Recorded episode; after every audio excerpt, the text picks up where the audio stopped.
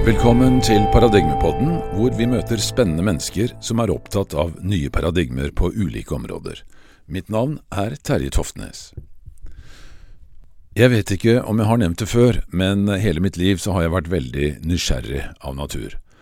Det er vel ikke noe spesielt med det egentlig, for de fleste mennesker er jo ganske nysgjerrige, men min nysgjerrighet har jo gått i retning av å prøve å forstå de store sammenhengene i tilværelsen og den virkeligheten vi lever i.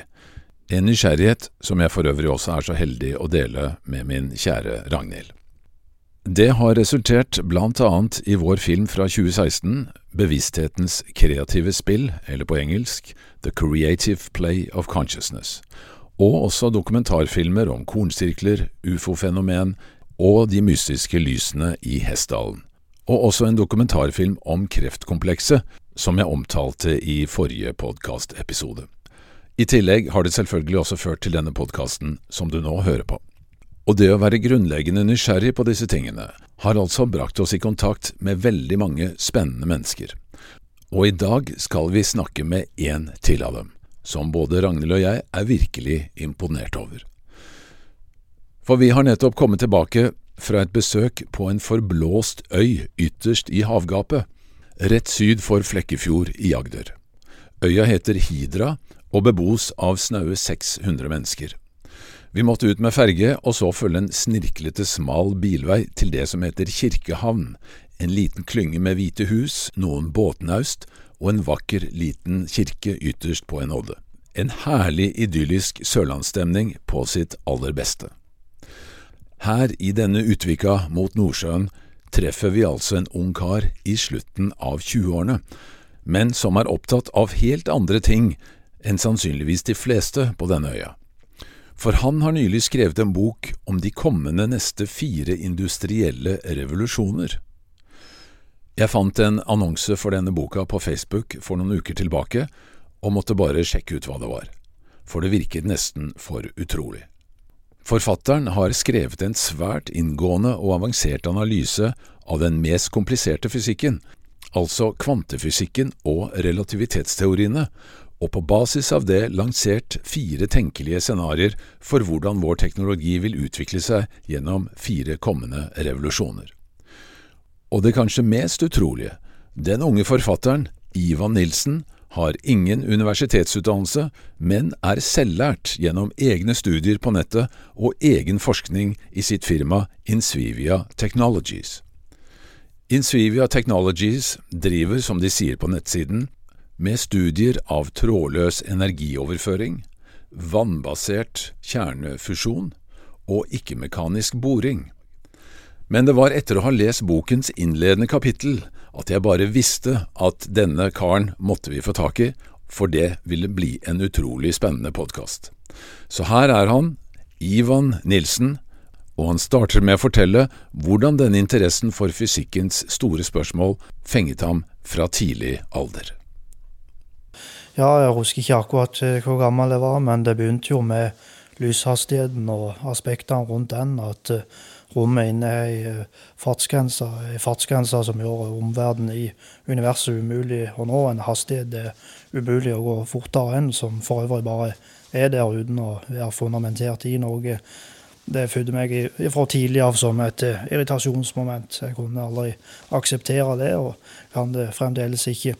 Så eh, når en begynner å sette seg inn i disse tingene, her, så skjønner en jo fort at uh, lyshastigheten er, er, mer enn bare det. Det er den mest sentrale naturkonstanten i hele vitenskapen. Og alt har en eller annen relasjon til den. Det er den som bestemmer hastighetsvilkårene for ethvert fenomen. Og alt er jo bevegelse, elementært sett. Han bestemmer styrkenivået på elektromagnetiske krefter via det som en kaller for finstrukturkonstanten. Så hele kjemien og alt det vi opplever makroskopisk er fundamentert i lyshastigheten. Og videre så er det jo hastigheten på tyngdevirkninger det som bestemmer astronomiske, kosmologiske dynamikker, og ikke minst den eneste naturkonstanten i masseenergiloven, altså Einsteins energiligning. Så hva er materie, hva er energi, hva er tid? Alle disse store spørsmålene har med, med lyshastigheten å gjøre. så kjenner en ikke hastighetene som ligger til grunn for det en jobber med, så vet en fysisk sett ikke hva en jobber med. Ikke at det er noe galt i det, men det er viktig å ha i bakhodet hvis en virkelig vil til bunns i ting. Nei, så er det jo mye snakk om dette her materialistiske verdenssynet, materialisme versus ikke-materialisme, fysikk versus ikke-fysikk. Jeg ligger jo bare og snur der rundt på hodet og sier at det, det materialistiske verdenssynet det er det som er, er ikke-fysikk. Vi vet ikke hva materie er, eller hva den er fundamentert i. Det er den ukjente fysikken som skjuler seg i bakgrunnsenergien, og som genererer materien. Det er det som er den reelle fysikken. Vi kan ta et eh, hvilket som helst stoff og zoome det inn for å prøve å finne materien som bygger det opp. Og vi kan zoome og zoome zoome, men eh, vi finner ingen materie der. Det vi finner, er energien som genererer dette stoffet. Ser vi materie der, så ja, da har vi misforstått eh, den er ikke zoomt lagt nok inn. Og Derfor sier jeg at eh, materialisme er, er, ikke fysikk, det er en konseptuell forestilling av noe som er altfor abstrakt til å, å, kunne være noe. Jo mer vi dykker oss ned i ting for å prøve å formalisere materialismen, jo mer abstrakt det er jo naturbeskrivelsene derimot mm. blitt. Så det finnes ikke noe sterk kjernekraft, svak kjernekraft. Det finnes ikke noe elektrisk eller magnetisk felt. Alt som finnes, er en, en bakgrunnsenergi med egenskaper som genererer disse aspektene og eh, hva slags hastigheter som skjuler seg i den, hva slags arbeid denne energien utfører som gjør at den genererer disse egenskapene, er det som er det store spørsmålet. Mm. Alt vi vet, er at han, han, er der og manifesterer seg gjennom de egenskapene vi kan oppleve, noen mm. aspekter av i vår eh, makroskopiske verden. Men at vi trenger 17 ulike felt, såkalte kvantefelt, i tillegg til tyngdefeltet for å tolke aspektene hver for seg, viser bare det at eh, vitenskapen er helt på jordet prinsipielt sett. Vi vet ikke hvordan ting henger i hop. Så feltteoriene virker til det de skal, til det de er lagd. Det er jo ikke snakk om, om, det. Det er jo snarere en del av eh, problemet at de fungerer så bra og står så sterkt i, i vitenskapens historie at mange tror at de i seg selv er, er, fundamentale. Mm. Og det kan vi jo si at det er materialismens overlevelsesmekanisme. At han, han vikler folk som i utgangspunktet er intelligente, inn i et begrepsmangfold som dekker over alle de store spørsmålene. Og det igjen overbeviser resten av samfunnet om at sånn er det. Så eh, Jeg sier ikke at det ligger noen utspekulerte krefter bak, men det er på et eller annet vis blitt sånn. Mm. Og jeg sier heller ikke at uh, den materielle verden som vi jo lever i, ikke finnes, men det er ikke den som, som styrer ting. Det er en underliggende, ukjent uh, fysikk som styrer måten ting materialiserer seg på. Målrettet evolusjon skaper celler, organismer, tenkende individer. Videre til kvantesuperposisjoner, sammenfiltringsmekanismer. Alt det forklarlige som vitenskapen mm. aldri har funnet noe svar på, enten noen tolkninger som egentlig ikke holder vann, og en plukker de ifra hverandre vi vet ikke engang hva som, som egentlig foregår inni atomkjernene, og hvordan kjemi og kjernefysikk henger i hop. Mm. Så eh, vi lever jo i et samfunn der ja, sikkert 99,9 eh, ikke bryr seg stort om fysikken vi lever i, fordi at vi er opplært til at eh, de som har greie på det, de har kontroll med den endelige fasiten på det meste. og det er bl.a. et stort og komplekst begrepsmangfold som er uttrykk for denne mm. fysikken. Men så er jo sannheten egentlig motsatt. Det store begrepsmangfoldet er jo nettopp uttrykk på at vi ikke vet hvordan ting henger i mm. hop. Einstein, som jobbet i over 30 år med å forene alt til et eh, felt, sa det veldig godt med at uh, hvem som helst kan gjøre ting større og mer komplekst. Det å bevege seg i andre retningen, det er det som er, er vanskelig. Ikke sant? Men så er det jo nettopp det vi ikke er klart å finne med noen nye uforklarlige fenomen. Så innfører vi noen nye fundamentalkrefter, nye felt. Gir de nye navn, så er problemene løst. Mm. Og folk lever videre som ingenting. Vi er opplært til at vi skal være kildekritiske, skal stole på det som, som kildene sier, ikke på, på, folk som tenker sjøl, og er det som det materialistiske verdenssynet klassifisert som filosofiske betraktninger av ting. Men så tror jeg nok at ting allikevel er på, på riktig vei. Vi vil komme til et punkt der, der ting henger opp for folk. Materialismen vil falle i hop av seg sjøl, den graves egen grav. For det kan ikke fortsette sånn i det uendelige. Mm. I boka di så, så har du et, et, begrep som jeg ble veldig fascinert av, som du kaller for målefasaden. Kan du forklare litt hva, mer hva du mener med det? Ja, den eh, vitenskapen vi har i dag er jo bygd på naturkonstanter med som nevnt lyshastigheten, så er vi gravitasjonskonstanten som er sentral i alle tyngdelovene, elementærladningene som bygger opp alt det kjemiske, elementærmassene, den magnetiske konstanten, plankkonstanten osv. Det er en lang liste over naturkonstanter som en kan søke opp hvis en er interessert i det, men eh, poenget er at alle fysikklovene og hele den vitenskapen vi har i dag, er bygd på sånne konstanter. Dette er noen tall som en måler og, regner seg fram til. Så er jo det store spørsmålet hva er alle disse konstantene, hvor kommer de fra? Eh, det er jo i dag mange fysikere, bl.a. Elon Musk, som mener at vi lever i en simulering der alle konstantene er noe som er, er programmert inn i denne simuleringa. Og Det anses jo da av enkelt som en, en, løsning på dette problemet. Det er en arkitekt som ligger bak, og derfor er òg naturkonstantene finjustert for biokjemi og eksistensen av, av liv osv. Men uh, dette er jo jeg sterkt uenig i. Det er et finjusteringsproblem, det vet vi jo, men det må være en annen løsning på, på dette. Alle konstantene henger på, på uforklarlig vis i hop. Det er relasjoner mellom de, og det må være noe, en, en ukjent fysikk som ligger under og genererer de. Det er mitt klare utgangspunkt. Det er en fysikk som skjuler seg i, i bakgrunnsenergien, og det er den som genererer rommet sine egenskaper og lager det som vi kan, kan måle oss fram til som naturkonstanter. Og Det er der jeg bruker dette ordet målefasade. Altså at fysikken viser oss en fasade med, med, egenskaper som vi kan måle oss fram til som konstanter, og videre definere relasjonene mellom dem med, som fysikklover.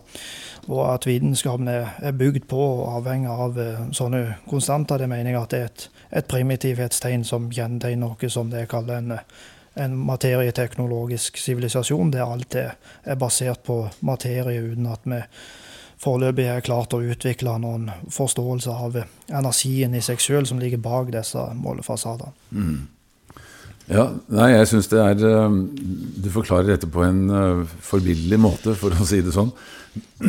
og, og, eh, fordi det er jo, som du også påpeker i boka di, så er jo alle disse konstantene, disse fysiske konstantene, de er altså egentlig uh, faktisk ikke forklart når, de, altså når vi går helt ned på, på, det grunnleggende nivået.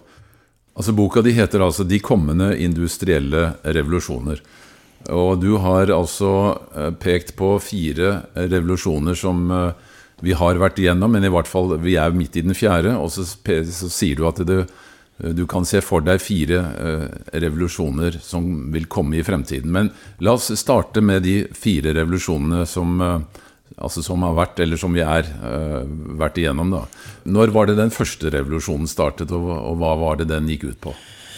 Ja, eh, bare for å ta det litt i forbindelse, så har nok eh, mange hørt om, om den industrielle revolusjonen. Jeg har kanskje en oppfatning av at det bare har vært én, men i realiteten så er det jo pågått utvikling hele tida. Det har vært flere revolusjoner uten at det er noen, noen ende på. Den første industrielle revolusjonen eh, fant sted fra 1760 til 1830, der det var overgangen fra manuell til, til maskinell produksjon som gikk for seg. Så var det en andre industriell revolusjon ca. 100 år senere, fra 1870 til 1914, der det i stor grad var infrastrukturelle oppskaleringer som følge av eh, utviklingen av høyspent elektrisitet og den nye masseproduksjonsevnen som, som fulgte med det. Så var det jo en, en tredje industriell revolusjon, den såkalte digitale revolusjonen fra omkring 1950 til tusenårsskiftet. Og nå er vi jo da inne i den, den fjerde industrielle revolusjonen, som har pågått siden rundt tusenårsskiftet og går i automatisering, kunstig intelligens, robotisering osv. Så, sivilisasjonen har utvikla seg hele tida med, med, stadig nye revolusjoner, uten at det er noen, noen ende på det. Og det er ingen den industrielle revolusjonen på noen annen måte at det, det var den første av de. Så i boka så har jeg jo delt dette inn i, i, fire potensielt kommende revolusjoner som baserer seg på fysiske begrensninger som holder sivilisasjonen igjen industrielt, og hva som kan komme til å skje dersom disse begrensningene brytes gjennom, eller en ny forståelse av de åpner opp for, for nye teknologiske gjennombrudd. Det vil vi jo komme mer inn på. Ja, nei, for Du mener jo at vi fremdeles står på et ganske primitivt uh, stadium. Du sier jo at vi at vi uh, Altså at uh, teknologien fremdeles holdes igjen fordi at vi uh, ikke er kommet bak denne målefasaden, ikke sant, som du nevnte i stad. Men kan du si noe om Altså, du snakker om at vi er i en materieteknologisk at, vi, at, vi, er en materieteknologisk sivilisasjon, eller en, et materieteknologisk paradigme, for å kalle det det. Og så sier du at det neste skrittet er altså å bevege seg over i et energiteknologisk paradigme, eller en energiteknologisk revolusjon. da. Uh, si litt om, om den, hva du mener med den overgangen der. Ja, i, i mine øyne så, så, er jo vi som sivilisasjon ut ifra vårt nåværende stadium med det som jeg kaller for en materieteknologisk sivilisasjon. Alt det vi har utvikla så langt, både av kunnskap og teknologi, er, er bygd ut ifra materie uten at energien i seg selv har noen eh, teknologisk eh, funksjon. Materie er jo som vi vet en form for energi, men den energien og det underliggende informasjonspotensialet som skjuler seg i materien, har ingen teknologisk funksjon i noen som helst av leddene av den teknologien og industrien som eh, vi har i dag. Materien brukes bare i, i passivt forstand, som noen byggeklosser på et, et meget primitivt og innsiktsmanglende grunnlag. Så det som jeg kaller for en eh, energiteknologisk sivilisasjon, som det sannsynligvis er mange av der ute i universet, og som forhåpentligvis òg vil bli, bli er en teknologisk mer avansert sivilisasjon som eh, evner å utnytte energien i seg selv eh, til teknologiske formål.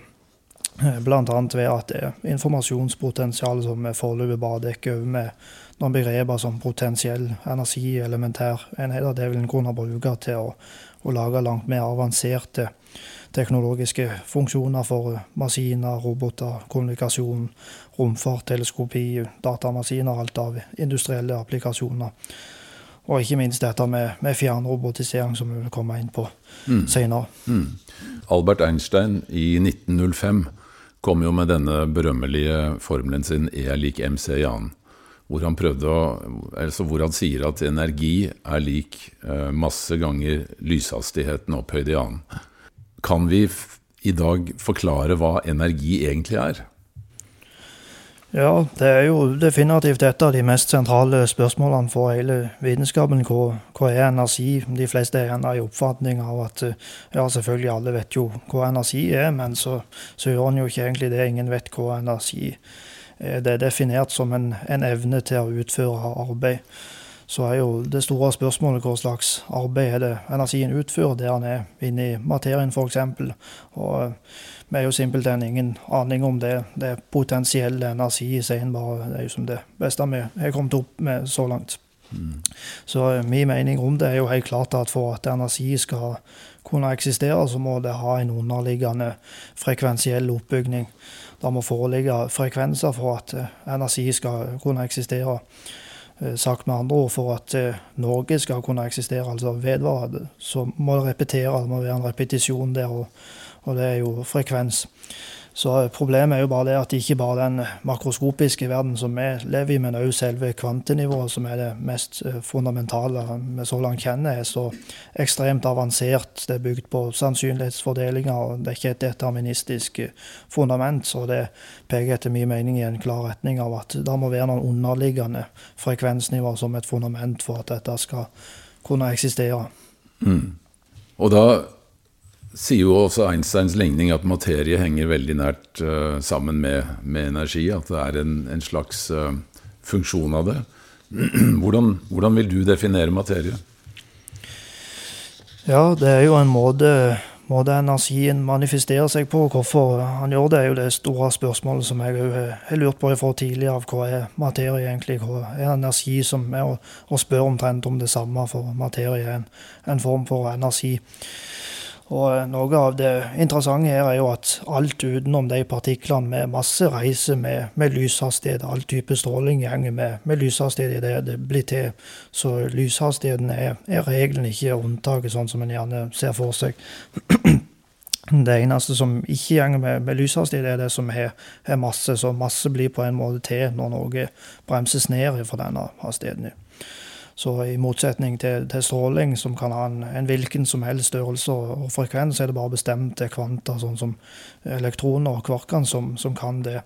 Så det er en mekanisme der som gjør denne nedbremsninga mulig for disse bestemte kvanta. Og der har jo det materialistiske verdenssynet alltid vært med på å skape et slags forvrengt bilde av virkeligheten av hastigheten som, som avviker for materien, mens det jo i realiteten er, er motsatt. Lyshastigheten er, er reglene den alt følger, mens nedbremsningen ifra den er, er, det som avviker og skaper det som vi opplever som en, en materiell verden med et tidsaspekt ved seg. Tida går jo ikke i, i lyshastighet.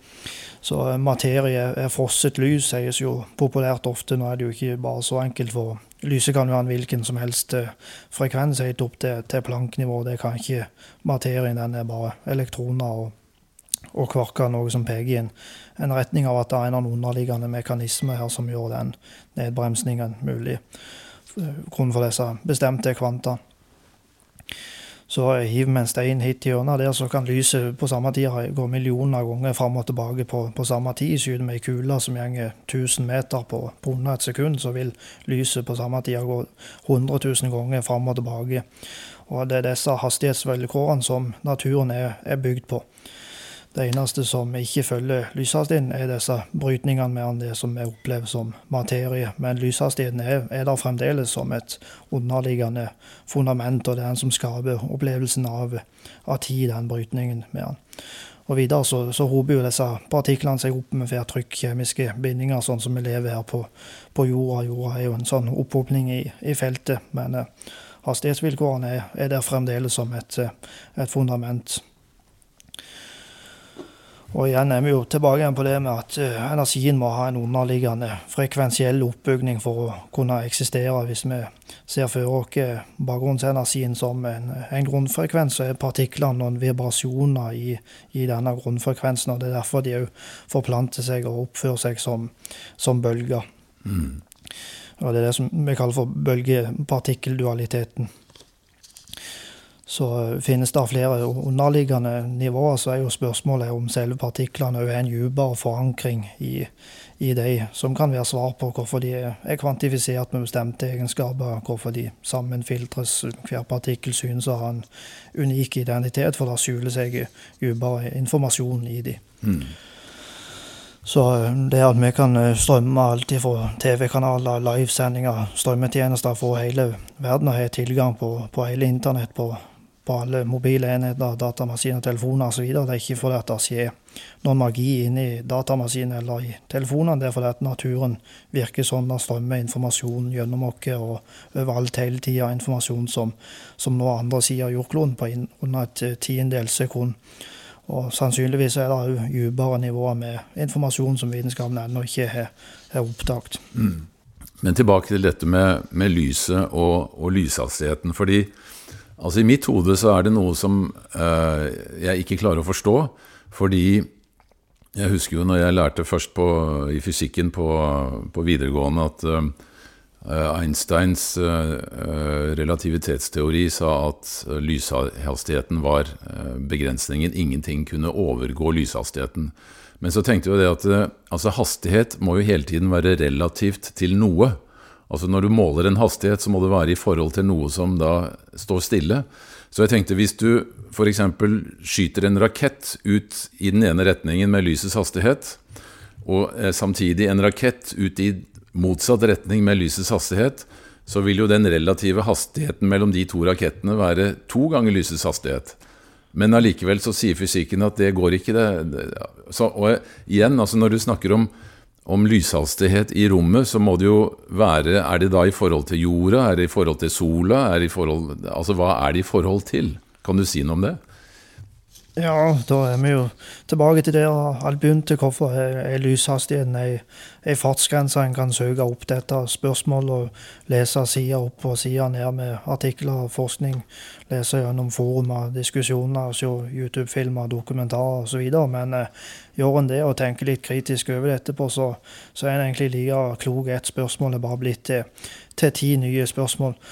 Det som naturligvis alltid trekkes inn, er jo den spesielle relativitetsteorien. Tida går i, i, null med lyshastigheten. Derfor så går det ikke an å gå, gå, fortere, for det er ikke noe tidsgrunnlag for noe videre akselerasjon utover, utover det. Men så er jo det store men da at uh, relativitetsteorien er jo klassisk teori. Den sier bare at sånn oppfører fysikken seg, men han sier ikke noe om, om hvorfor han gjør det, eller hvordan ting er, er fundamentert. Hva er tid, hvorfor strømmer tida? Finnes i det hele tatt tida? Mange mener at tida ikke finnes, og hvis tida ikke finnes, hva er det da som går i, i null? Og hvis hun finnes, hvorfor går hun i så fall i, i null, og hvorfor er tida i det hele tatt noe med dette å gjøre? Det er jo tid med måle, bruk av målehastighet, så alle disse spørsmålene her er jo direkte forbundet med, med hvorfor lyshastigheten er, er grensa. Mm. Så med andre ord så relativitetsteorien besvarer ikke spørsmål, men han bidrar til å, å belyse hva han egentlig spør om. Så eh, mitt eh, klare utgangspunkt her er jo at eh, svaret er så enkelt at bakgrunnsenergien har en grunnfrekvens som sammenfaller med, med lyshastigheten, akkurat som lydhastigheten sammenfaller med temperaturen i, i lufta. Skrur en opp temperaturen, så går lyden fortere. Skrur en enda opp, høyere opp, så går lyden enda fortere. Skrur en ned, så går den senere. Så enkelt er det. Og på grunn av Eh, bakgrunnsenergiens eh, grunnfrekvens, så, så går alt med denne hastigheten. Det er ikke unntaket, det, det er regelen. Og Derfor så har en dette forholdet til, til ti såkalte Lorentz-transformasjoner. for det at eh, det, det, er nedbremsningen fra denne hastigheten som skaper tida gjennom å, å bryte med, med, grunnfrekvensen. En reiser altså ikke med den sånn som lyset, men bryter med den sånn at tida strømmer. Mm. Men så er jo det, det store mennet igjen, da, hvis det bare er så enkelt, hvorfor er det da ei grense det er umulig å, å overgå? Er det egentlig ei grense det er umulig å overgå? Da kommer vi inn på dette med kausalitetsvilkårene, som vi vil komme litt mer inn på etter mm. hvert. Mm. Men um, du snakker jo nå om denne skal vi si, bakgrunnsfrekvensen. Uh, og som mange også kaller for altså kvantefluktasjoner, altså helt ned på planknivå. Uh, kan du forklare litt mer hva, hva, hva tenker du egentlig skjer? Altså, hva er denne skal vi si, grunnfrekvensen da, i hele skapelsen, for å si det sånn? Ja, nei, det, det vet en jo egentlig ikke, da. Det er jo en Det er jo en måte energien eh, utfører jobben sin på, men eh, vi vet jo ikke hva han egentlig styrer altså, har, med for noe. Så. Har den vært målt noen gang? Kan man måle denne grunnfrekvensen? Nei, nei. Det er jo forskjellige teorier rundt, rundt dette. altså en er jo disse vakuum-superfluid-teoriene, en strengfeltteori, så det er mange forskjellige teorier rundt dette. Og det er ingen som egentlig, egentlig vet hva som er, er, fasiten. Nei, ikke sant. Men hvis vi går, altså stopper litt ved dette, altså tilbake dette med lys. Vi har jo dette begrepet fotoner. Altså hva, er, lys, er lys et partikkel, eller er lys en bølge? Og hva er egentlig et foton? Ja, nei, det er jo noe som, som fysikere og filosofer har spurt seg om i, i årene. Og de siste ti årene så kan du jo virke som spørsmålet er forsvunnet mer og mer fordi folk innbiller seg at vi, vi vet det, lys er fotoner, det er elektromagnetiske bølger. Det er ingen som tar seg bryet med å sette seg inn i noe mer hva det egentlig betyr. For en regner med at de som er greie på det, har kontroll på at dette, denne sannheten holder vann. Men hvis en derimot gjør det og plukker teoriene litt fra hverandre, så, så skjønner en jo fort at en står egentlig bare igjen med, med, langt flere spørsmål enn det en gjorde opprinnelig, uten at en egentlig vet hva, hva lyset er for noe. Bare det at vi trenger et begrep for å forklare det elektromagnetiske bølger, mener jeg at i seg selv eh, belyser det godt nok at ikke vi vet hva, hva lys er, som Einstein pleide å, å, si. Det en ikke kan forklare enkelt. Det er ikke noe en har forstått uh, godt nok. Og skal han forklare elektromagnetiske bølger, så må en uh, ja, skrive en hel bok. og og leser den boka og tenker litt kritisk over det, så står en egentlig igjen med, med, det samme spørsmålet. Hva er, er lys egentlig? Det besvares ikke av eh, elektromagnetiske bølger, det er bare et teoretisk eh, konsept eh, som en jo selvfølgelig må ha i bakhodet hvis en vil videre til, til bunns i det, men en må se teorien for, for det han er. Mm. Den sier ikke noe om hvordan ting er bygd opp og fundamentert. Men øh, hvis vi går tilbake litt igjen, og fordi du nevnte jo dette med tid, altså at tiden, altså denne fysikken uh, og altså relativitetsteorien sier at uh, tiden står stille når du kommer opp i lyshastighet. Og så snakket du om tidsstrømmen. Um, hva vet vi egentlig om tid? Altså hva er egentlig tid? Hva vil du si da? Ja, det er jo i, mange, mange, i dag anerkjente fysikere som mener at tida ikke finnes. De mener at eh, det er bevegelse som skaper en illusjon av en tid. Og Det er jo der jeg argumenterer for at det er ikke bare bevegelse makroskopisk og, eller termisk, altså termodynamikken, som skaper opplevelse av, av tid. Etter min mening så må det ha en, en dypere forankring i bakgrunnsenergien, bl.a. for at, at rommet skal kunne ha disse hastighetsvilkårene faktorene som er, er konsistent gjennom dypt rom, tidsdilatasjon, tyngdevirkninger, henger i hop. Eh, for at tyngdevirkningene mellom to romlige objekter, f.eks. jorda og sola, skal henge i hop, så, så, må tida òg gå i selve rommet, i selve vakuumet midt mellom der. Mm. Og dette mener jeg at, at henger i hop med det at vi, vi, vet at det er en bakgrunnsenergi der som, som utfyller hele universet, og det er denne som på uforklarlig vis gjør at tida gjenger.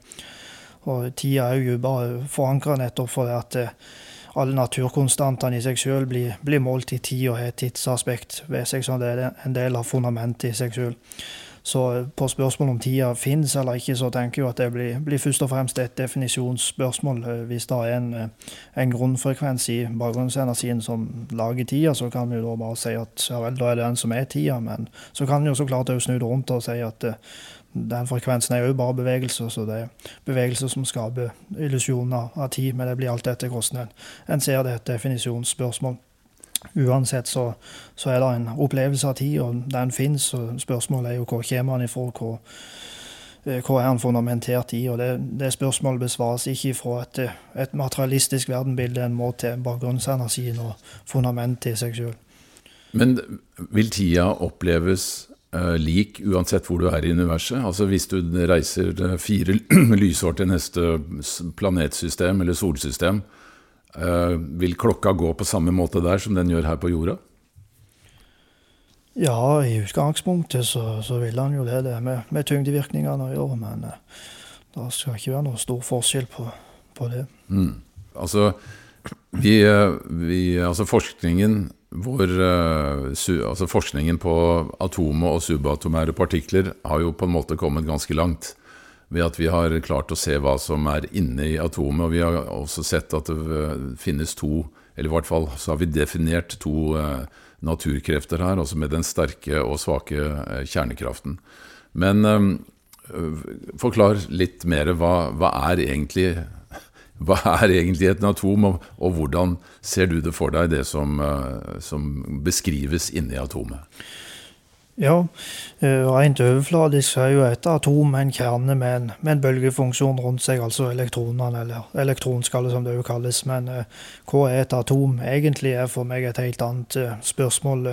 Selv kjernefysikere vet ikke egentlig hva som foregår inni atomkjernene. Jeg har jobbet med en del teorier her som utfordrer fargeladningene og den sterke kjernekraften som er fundamentalkraft, og har ved flere anledninger prøvd å få kjernefysikere i, i tale for å diskutere disse tingene med de, og egentlig for å danne meg et bilde av hva, hva de egentlig tror på, hva de mener om, om, ting. Men det har ikke vært mulig å, å, få til når han stiller disse spørsmålene. Så gjemmer de fleste seg vekk, i hvert fall de som jeg har prøvd å Og nå får jeg en del henvendelser fra utlandet og sånn på dette YouTube-foredraget mitt, men det er stort sett fra, fra andre deler av, av verden. Men eh, det som er, er viktig å ha med seg, er jo at bølgefunksjonen altså atomenes ytre, som Skrøninger i sin tid definerte med den berømte Skrøninger-ligningen, ikke er noe som sitter løst eller passivt rundt atomkjernen, sånn som en, en trodde før. Bølgefunksjonen er på uforklarlig vis en del av og delvis i kjernen av atomene.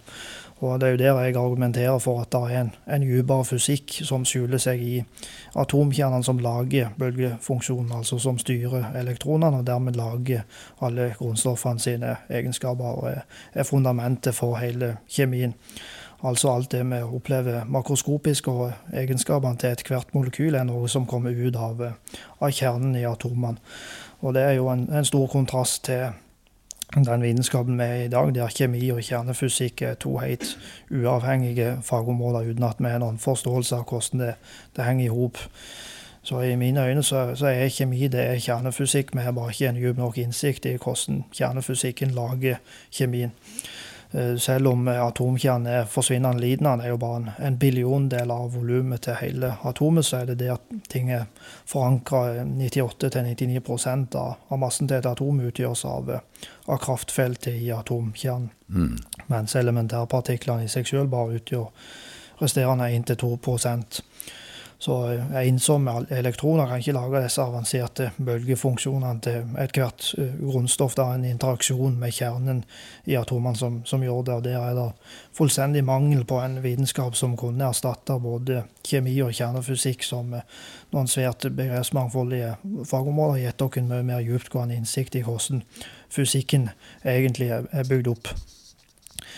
Og nå har jeg jobbet med en, en, ny standardmodell her som jeg mener at kan forene atomstrukturen ved å forene eh, kvarkene med elektroner. Jeg skal ikke gå noe videre inn i det her, for det blir veldig i teknisk når vi ikke skjerm og animasjoner kan vise det, det fram. Men for å si det kort, det er ikke en teori jeg ikke har jobbet særlig lenge med. Det å komme til kjernen i, i problemene, få oversikt over de det store antall med problemer som er i standardmodellen, det jeg, det jeg jobber med i, i, ganske mange år. har Hatt flere teorier før, før jeg kom fram til, til denne teorien som, som traff automatisk uten å, å trenge noen eh, tilpasninger. Men eh, tilbake til dette med, med hvordan kjemien genereres av, av kjernefysikk. Eh, ved at kvarkene er bygd opp av eh, elektroner, som er, er teorien min, så får en da flere ulike frekvensnivåer fra elektroner, kvarker, videre opp til protoner og atomkjerner. Alt dette er jo samla i én kjerne. Så det er interaksjonsfrekvenser mellom de ulike nivåene. Og det er dette frekvenssamspillet som jeg mener at, eh, at lager alle grunnstoffene sine egenskaper.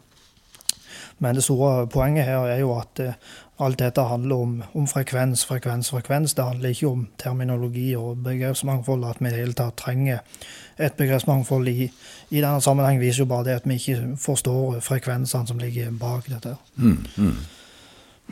Vi tar igjen eh, altså dette med kvantefeltet og, og kvantefluktasjonene.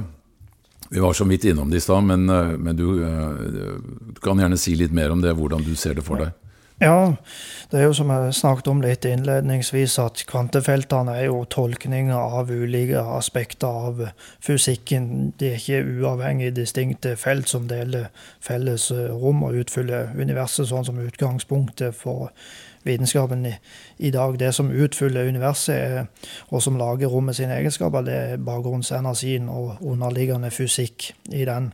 Så når vi hører om, om kvantefelt, sånn som elektronfeltet, fotonfeltet, gluonfeltet og kvarkfeltene, eller Higgs-feltet for den saks skyld, så er dette noen egenskaper som bakgrunnsenergien har, og som manifesterer seg på en måte som gjør at vi kan tolke det som distinkte felt, fordi at ikke skjønner hvordan det henger i hop. Einstein jobbet jo i, i, over 30 år med å forene tyngdefeltet og det elektromagnetiske feltet, og på den tida så, så var jo det de eneste to feltene som, som fantes. Hadde han visst det at bare et tiår etter hans eh, bortgang så skulle han innføre to nye fundamentalkrefter, den sterke og den svake kjernekraften, som skulle bli starten på innføringen av en lang rekke med stadig nye felt, så tror jeg han hadde blitt, eh, blitt veldig opprørt, for å si det mildt. Han hadde nok eh, snudd seg i, i grava, for det strider helt grunnleggende med de prinsippene som han, han jobbet etter. Han hadde ett mål for øye, og det var at elektromagnetismen og tyngdevirkningene må henge i hop i et, et felles felt. og det er ikke rom for et mangfold av, av felt. Eh, felt er ikke fysikk i seg selv, det er teori, og når teorien ikke får ting til å, å henge i hop, så, så, er det noe grunnleggende og prinsipielt eh, galt med de, uavhengig av hvor godt de fungerer innenfor de rammene de, de er lagd til. Mm. Men da eh, er vi egentlig på vei litt over i, i disse nye industrielle revolusjonene, ikke sant? Og du sier at den første, eh, eh, altså den neste industrielle revolusjonen, den vil eh, handle om trådløs energioverføring, først og fremst. Ja. Fortell.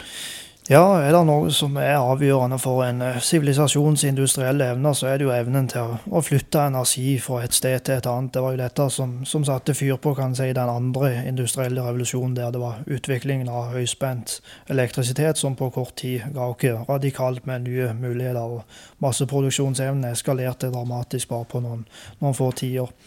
Det som ennå lå igjen, da, er jo trådløs energi, altså å kunne overføre store mengder med energi gjennom lufta til industri industrielle formål.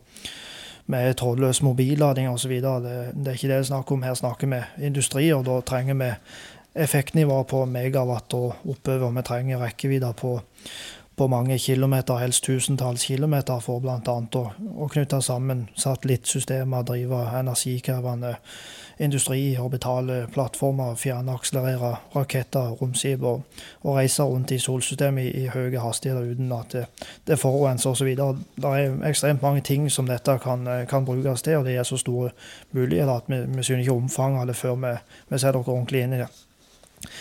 Og eh, dette har jeg jo jobbet med i, i, ganske mange år. Jeg har bl.a. møtt eh, amerikanske spesialistbedrifter og andre innenfor dette området. Det er noen, noen år siden nå, men jeg har et optisk system som jeg mener at kan revolusjonere dette teknologiområdet. Det, det er ikke science fiction, det finnes allerede og brukes av det amerikanske forsvaret brukes som, som våpen, bl.a. Det er da et prinsipp som heter laserinduserte plasmakanaler. Ei, ei tynn eh, laserstråle på tjukkelse med et eh, hårstrå lager en ionisert luftkanal gjennom atmosfæren. og Det lager en optisk effekt der lyset samler seg mot en kjerne og forplanter seg i, som et filament gjennom rommet. Og Denne kanalen leder strøm, sånn at den kan overføre energi i form av høyspent elektrisitet gjennom lufta. Og Laseren er dermed forholdsvis liten, for det er strømmen som en sender gjennom laserstråler. Det er det som er den store energioverføringa. Så Det som er, er problemet, er å, å, gjøre dette prinsippet funksjonelt. Vi vet at det fungerer, men det er ikke funksjonelt nok til industriell anvendelse, sånn som teknologien foreligger per nå.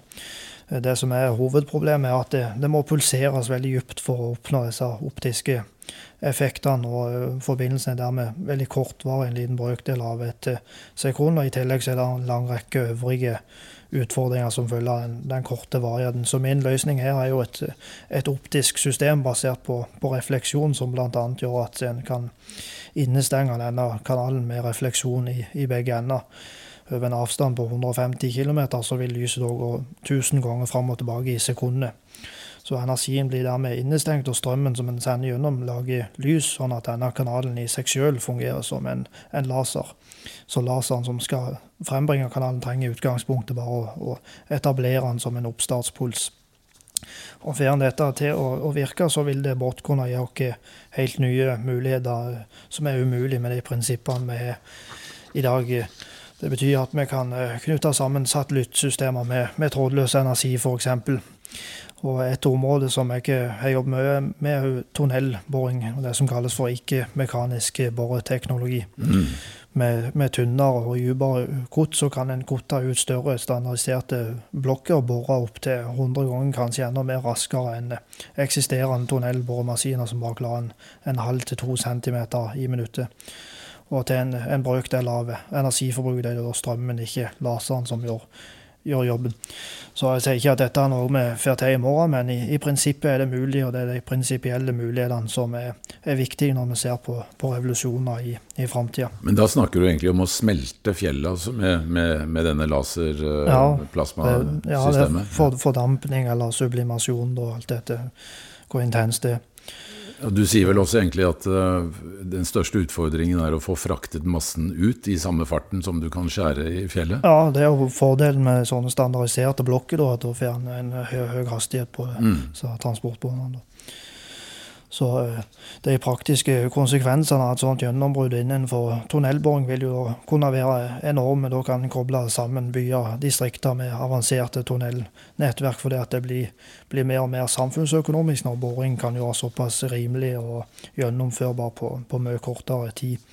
Så en kan lage tunnelsystemer som gjør at en kan få alt fra mat og andre pakker servert rett opp gjennom stuegulvet på et, et hasteklikk noen minutter senere. Altså. Så kommer det fram og videre til tunnelsystemer under havbunnen som kobler opp forskningsstasjoner, industri, alle mulige leder under byer som kan anlegge tunnelnettverk i, i tredimensjonalt, så en unngjeng all trafikk på, oppe på bakkenivå, droner, biler og andre kjøretøy, for all infrastrukturen blir lagt ned i, i bakken. og Det er jo veldig viktig òg miljømessig for å verne naturen mot infrastrukturen. Men er jo, altså Norge er jo et av de land i verden som ligger lengst fremme på tunnelboring. Det er vel neppe noe land som ja. har boret så mye tunneler per innbygger ja. som i Norge? Nei, det er jo bare mekanisk boring for så langt. Det er ikke Men hvor, hvor, hvor, raskt, altså hvor lang tid bruker de på å bore en meter da, gjennom norsk granitt? Ja, de, de vanlige tunnelboremaskinene klarer vanligvis eh, en halv til to centimeter i, i minuttet. Da, så en meter. Da går det jo 100 minutter hvis det er 1 centimeter ja. minuttet. Så det tar sin tid. Så de som skal ja, bygge denne nye skipstunnelen fra, gjennom Stadlandet, de kommer til å bruke en del tid? Ja, der er det vel sprenging, da, men eh, ja. det blir jo som et annet prinsipp, da. Men, eh. ja. Nei, men det er veldig fascinerende tanker, Ivan. Altså at hvis du kan øke Hvor mye tror du man kan øke hastigheten med, som du sier, med å, å bruke denne type laserteknologi? Ja, prinsipielt sett så kan en klare helt opp i 100 ganger fortere hvis det er at en kan kutte én meter dypt, én meter dype blokker, og klare å gjennomføre én syklus i minuttet, og så klarer en jo én meter i minuttet. Da. Mm. da snakker vi om noe helt annet enn det vi gjør i dag. Ja, ja. men eh, det aller viktigste med, med trådløs energi er jo fjernakselerasjon av, eh, av raketter. Eh, dagens raketter veier jo typisk 20-50 eh, ganger mer under oppskytinga enn den nyttelasten som skal ut på, på tur, fordi at raketten må fylles opp med, med brensel. Mm. Så energien skal ikke bare skyte opp raketten, han skal jo skyte opp seg sjøl. Derfor er over 95% av akselerasjonsvekta ikke noe med nyttelaster å gjøre. Eh, kjemisk brensel er veldig energifattig i forhold til det som det, det veier. Så dette prinsippet som vi bruker i dag, er ekstremt ineffektivt. Mm. Så eh, med fjernakselerasjon så får jo raketten energien da tilført trådløs, og derfor veier den en, en liten brøkdel fordi at den kobler energien direkte til nyttelaster uten at den trenger brensel. Og I tillegg så kan den jo da utnytte større effektnivåer, fordi at det, den er ikke begrensa det raketten kan fylles opp med. Og Dermed så kan den oppnå et enda atskillig høyere hastighetsnivå. Og alt dette gjøres elektrisk, så det, det forurenser heller ikke. På den måten så kan en, en drive en storskalert romaktivitet mellom jorda og Mars f.eks. og videre til Europa, Titan, de andre månedene rundt Jupiter og Saturn, og ellers i, i solsystemet uten at det skaper forurensningsproblemer på, på jorda. Og når vi kommer, kommer, dit, så er det jo helt opplagt at raketter vil utkonkurrere flysektoren, i hvert fall på den interkontinentale ferdselen. Den store luftmotstanden på, på fly er jo vingene, og i tillegg så går fly gjennom trykksatt luft, mens raketter sendes opp i nærmest motstandsløst eh, vakuum. Så på tross av den høye hastigheten, så er de veldig lave motstand sammenlignet med, med, fly. Og det er jo den høye hastigheten som er, er, den store fordelen. En rakett kan reise fra kontinent til kontinent bare på bevegelsesenergien. Så han trenger ikke få energi tilført underveis, sånn som et, et fly. Han lades bare opp igjennom i form av bevegelsesenergi. Og Det gjør det jo mulig å, å reise interkontinentalt fullverdig elektrisk, hvis de bare kan skytes opp elektrisk. Mm. Og Det er jo ikke mulig med, med fly. Og vi er jo heller ikke batteriteknologi som er i nærheten selv på, på kortdistanse, så er det jo utfordrende å elektrifisere flysektoren. Mm. Og I tillegg så, så, viser jo ny forskning at uh, to tredjedeler av uh, klimaavtrykket fra uh, flysektoren det kommer fra kondensstripen, ikke fra CO2-en. Så om en skulle elektrifisere den, så er jo fremdeles mesteparten av klimaavtrykket der. Mens raketter på sin side de lager jo ikke kondensdriv for de går høyt opp i ekstremt lavt trykk. Så i mine øyne så, så er flysektoren mulig noen, noen fremtid. Det er bare tidsspørsmål før raketter vil overta. og Da er jo reisetida mellom kontinentene alltid fra 10-12 minutter opp til, til, 20 minutter på de lengste distansene. Så du kan sette deg inn i en rakett på Gardermoen f.eks., og så er du framme i Amerika eller Australia et kvarter senere. Og det er jo fordi at raketter er nødt til å gå med disse hastighetene for å komme seg ut i, i banene pga. orbitalmekanikken. Mm. Unnslipningshastigheten til, til jordas tyngdefelt er 11,2 km i, i, sekundet.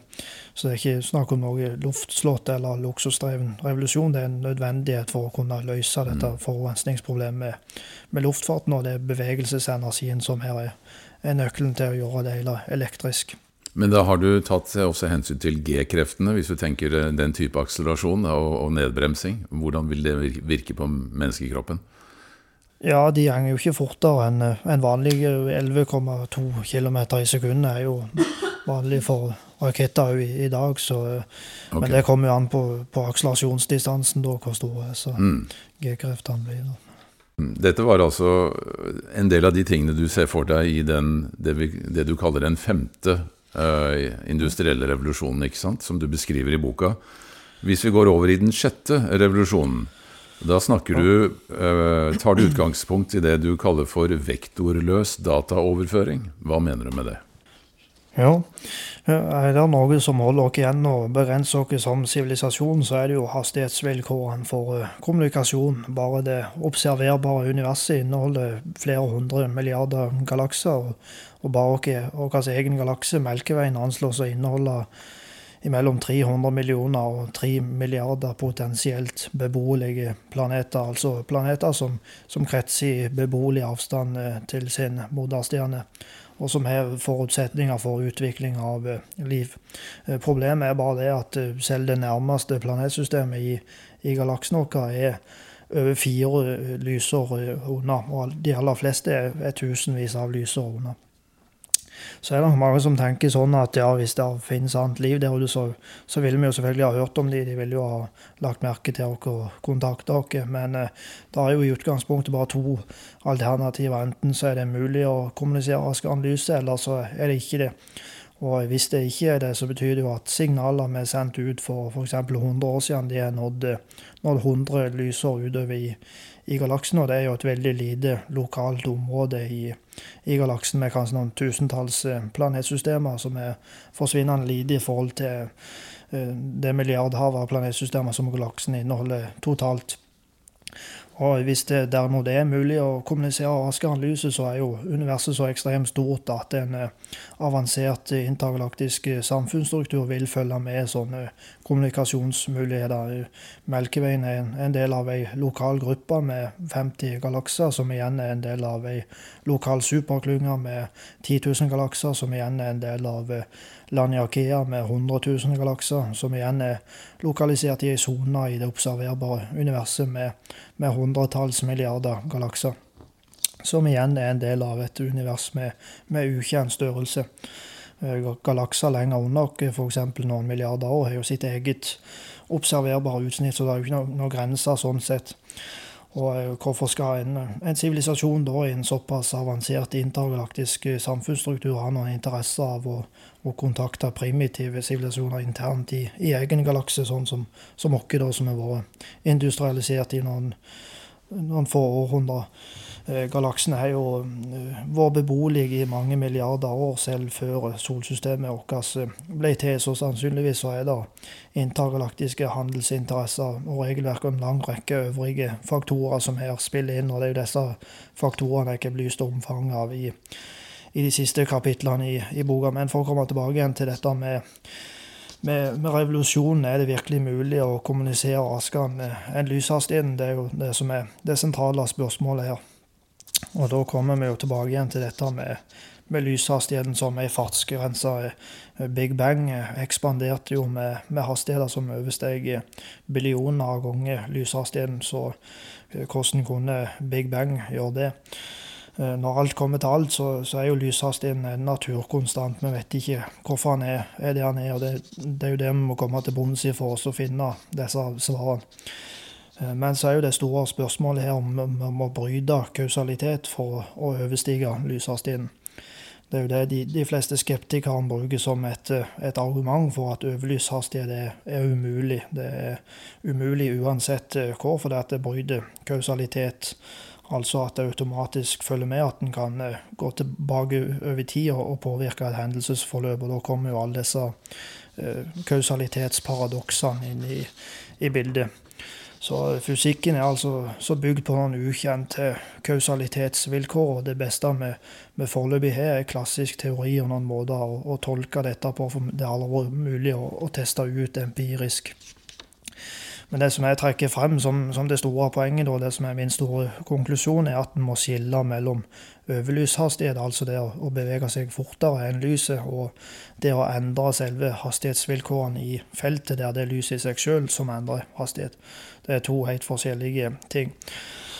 Og Det er jo dette jeg, jeg kaller for, for vektorløst når en etablerer et eh, filament med egne interne hastighetsvilkår mellom to koordinater F.eks. gjennom energikonsentrasjon av det som jeg kaller for filamentering, som er en, en optisk effekt der lyset samler seg mot en, en, kjerne og forplanter seg som et filament gjennom rommet. Så danner det en, en vektorløs forbindelse hvis de interne hastighetsvilkårene er styrt av energikonsentrasjonen, f.eks. via dyp pulsering ned mot, mot planktid.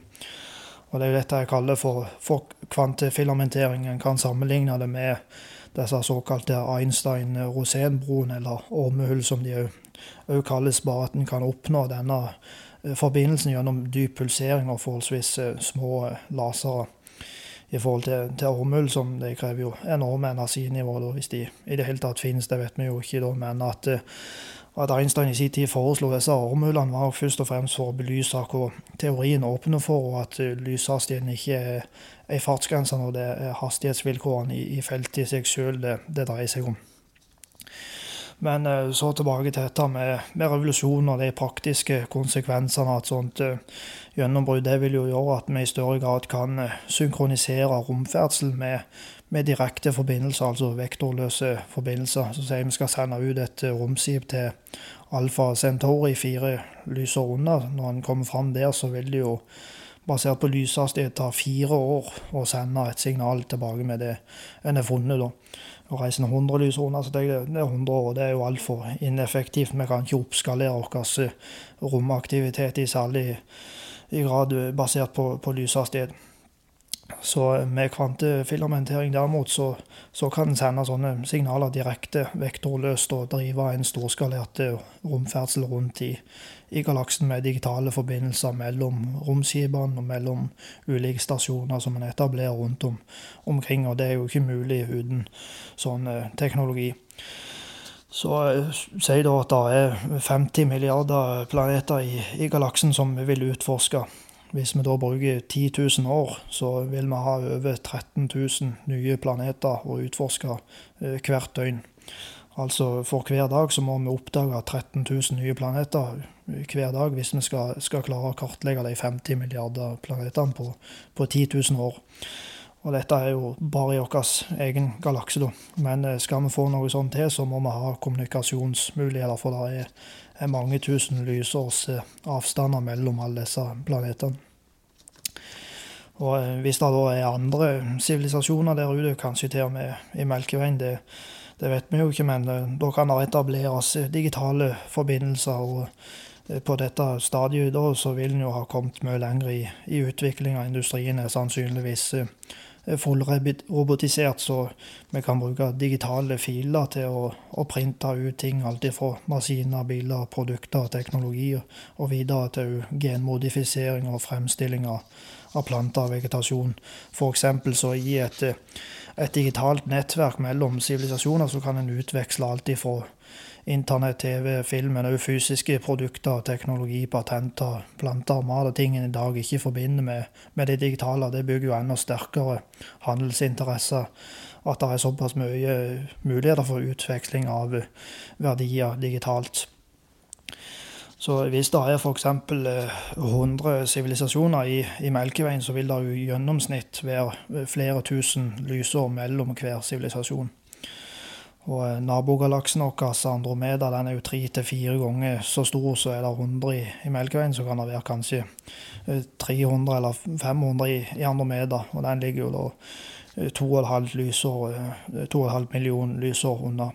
Så overgangen fra et intragalaktisk, altså internt i galaksen, til et intergalaktisk nettverk er, er ganske stor avstandsmessig. Men hvis da bare én i hver galakse er avansert nok til, til, å holde en sånn forbindelse, så vil jo det knytte i hop de, de, øvrige til det samme nettverket og, og skape et intergalaktisk nettverk.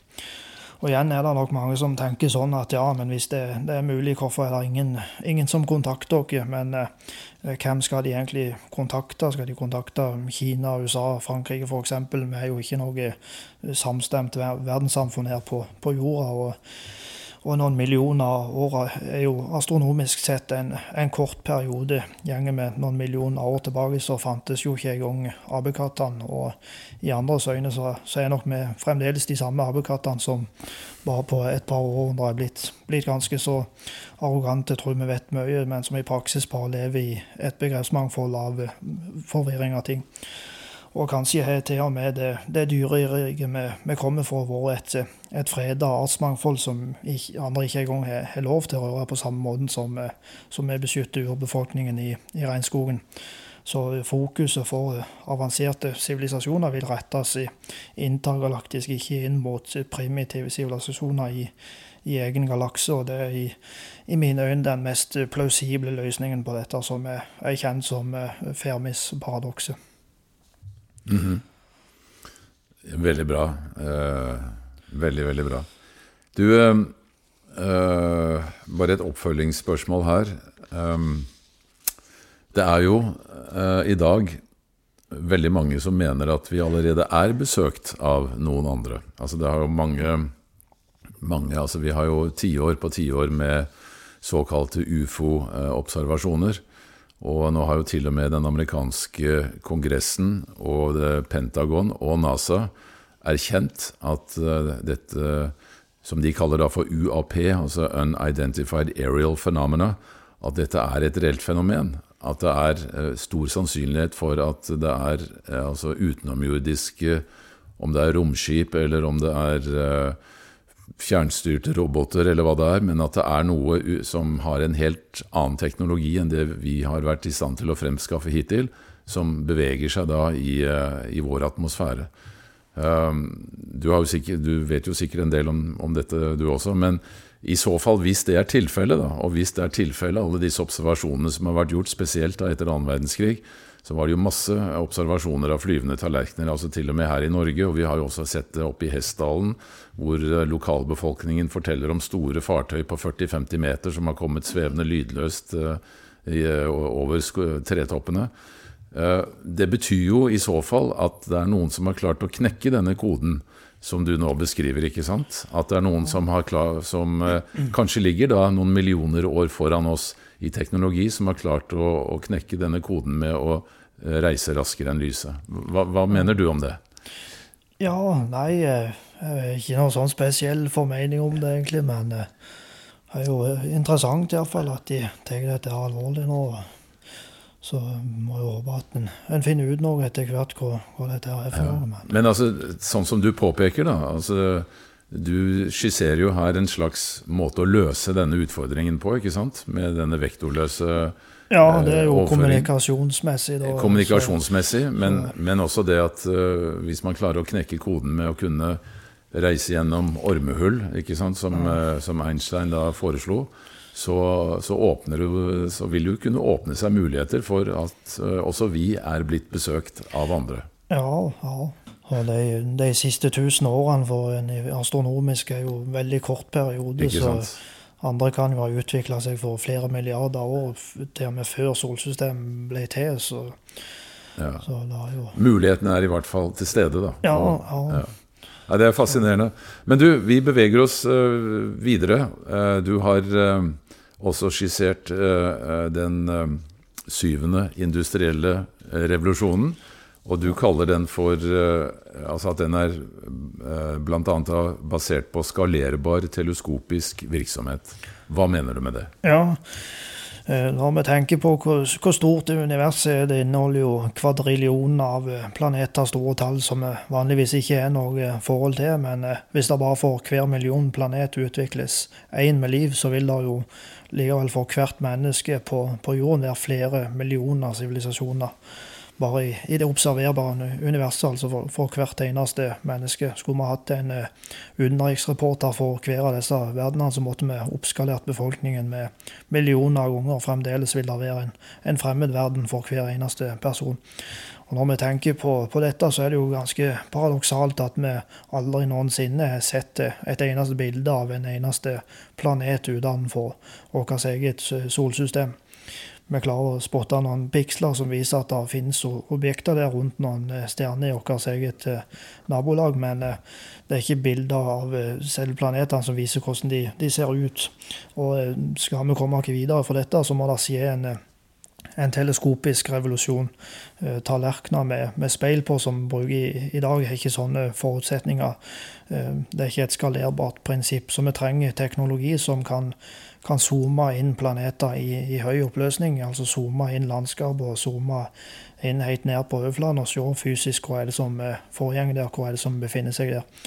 Og eh, Får vi det til, altså et teleskopisk prinsipp med, med, skalerbart potensial, så er det oppskriften på en, en revolusjon uten sidestykke. Da vil vi endelig få mulighet til å virkelig utforske det universet vi er en del av, som vi foreløpig ikke vet så mye om, om annet enn at eh, det er der.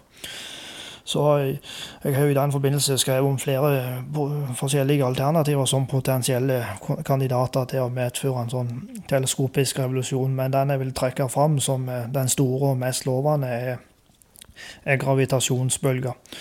Altså ikke gravitasjonsbølger fra universet, men teknologisk fremstilte gravitasjonsbølger som vi kan fremstille sjøl på, på ønskested til ønsketid.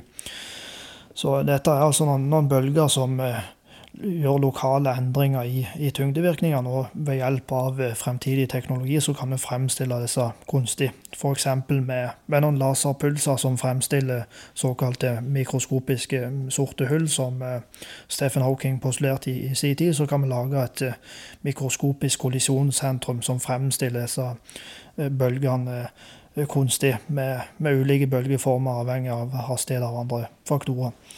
Bruker vi høy hastighet f.eks., så kan vi gjøre de ekstra skarpe og kvasse. Og Da betyr det at vi, vi kan bøye lyset etter hvert som disse forplanter seg utover fra et sentrum. Akkurat som ei, ei gravitasjonslinse. Alle, alle, tunge objekter er jo i praksis gravitasjonslinser, bare at lyset bøyer seg ikke i særlig grad før en kommer opp på, på, store objekter, sånn som sola og, og sorte hull. Og med ei sånn uh, kunstig gravitasjonslinse, ei kunstig linse i, i, rommet, så kan en samle inn en stor lysmengde til et fokuspunkt. Uh, disse gravitasjonsbølgene de reiser jo med, med lyshastighet, så en kan se for seg som en, en, slags blits, bare at det er lys i seg sjøl som en vil blitse inn til et, et fokuspunkt. Og Den store fordelen med dette prinsippet er jo at det har et skalerbart potensial. Eh, får vi det først til å virke, så er det i neste omgang bare om å gjøre lage kraftigere og kraftigere maskiner, sterkere og sterkere bølger, og samle inn større radier med, med lys for å ta stadig bedre og mer hø høyoppløste bilder. Og zoome inn planeter som er, er stadig lenger unna i, i høyere oppløsning. Og Kommer vi da opp til en, eh, en radius på, på lyssekund, f.eks., som er avstanden til, fra jorda til, til, månen, så vil vi kunne eh, zoome inn planeter i, i hele Melkeveien i ganske høy oppløsning. Og eh, Skalerer vi videre opp til lysminutter, så kan vi zoome inn planeter til og med i, i fjerne planeter i ganske høy oppløsning. Og i vår egen galakse da, så kan vi, vi zoome helt inn ned på, på overflaten og utforske til små dyr og vegetasjon og, og som enn måtte befinne seg der. Og tenk da bare på, eh, på alle de milliardene med, med planeter som vi har å, å, velge mellom. Hvis vi da tar det, det, forrige eksempelet med, med 50 milliarder planeter, så vil vi ha over 13 000 nye planeter å utforske hver eneste dag i 10 000 år. Så for hver dag som, som gjenger, så ruller det ut med, med nye oppdagelser på, på nyhetene. Det mest spektakulære for 13 000 nye planeter dag etter dag uten ende i, i 10 000 år. Og det vil jo endre vårt syn på, på hva slags univers vi lever i, helt eh, radikalt. Da vil vi få et, et helt annet syn på, på livet og komme en, en del av det ikke lenger jorda som er, er sentrum, men med en, en, del av et univers med, med så langt vi vet uendelig antall planeter og, og verdener. Og det kan jo være alltid fra havplaneter heldekka med, med, vann til jungelriker, dinosaurier f.eks., eller andre typer dyr som skiller seg helt ifra for det vi er på, på jorda, videre til samfunn som uh, muligens ligner på oss sjøl. Og uh, i tillegg så, så er det ikke sikkert at eh, planeter er det som er, er mest vanlig for utvikling av, eh, av livet. Bare i vårt eget solsystem så er vi jo over 200 måneder, bare åtte planeter. Den største månen vi har oppdaget så langt i et annet solsystem, er, er to og en halv ganger så stor som diameteren av, av jorda. Så eh, måner kan òg bli atskillig større enn en jorda. Og en gasskjemper sånn som Jupiter kan jo ha opptil 100, kanskje enda flere måneder samla i et system. Så kretser først en sånn gasskjempe med 100 måneder rundt seg i ei beboelig sone, så, så, kan det utvikles mange, kanskje titalls måneder med, med liv i det samme systemet.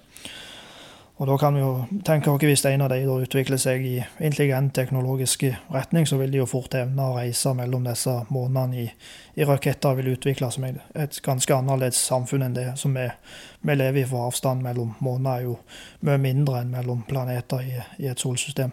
Så det vil gi de helt andre muligheter. Og, eller to eller flere sivilisasjoner som utvikler seg parallelt i et sånt system, så vil en jo få, få, ganske interessante samfunn med, med kriger, konflikter og sånne ting. Og dette er jo bare noe av det spektakulære som kan finnes der ute. Mest sannsynlig finnes det jo et, et mangfold av ting vi aldri har klart å tenke oss fram til så langt.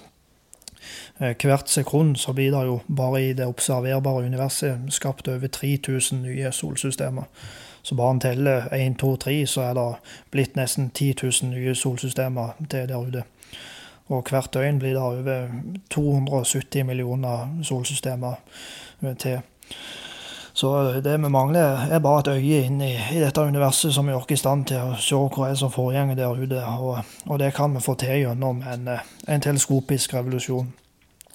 Og I tillegg så vil det jo skje store revolusjoner jo lenge før dette innenfor programvare, 3D-simuleringer, kunstig intelligens. Og når vi først kommer der at vi evner å, å, fotografere disse planetene, så kan vi omgjøre de til, til 3D, så vi kan se for oss en, en høyoppløst variant av Google Earth, bare at eh, vi har milliardvis av planeter å velge mellom og kan trykke oss inn og navigere oss fritt rundt på, på disse planetene i, i 3D-modus.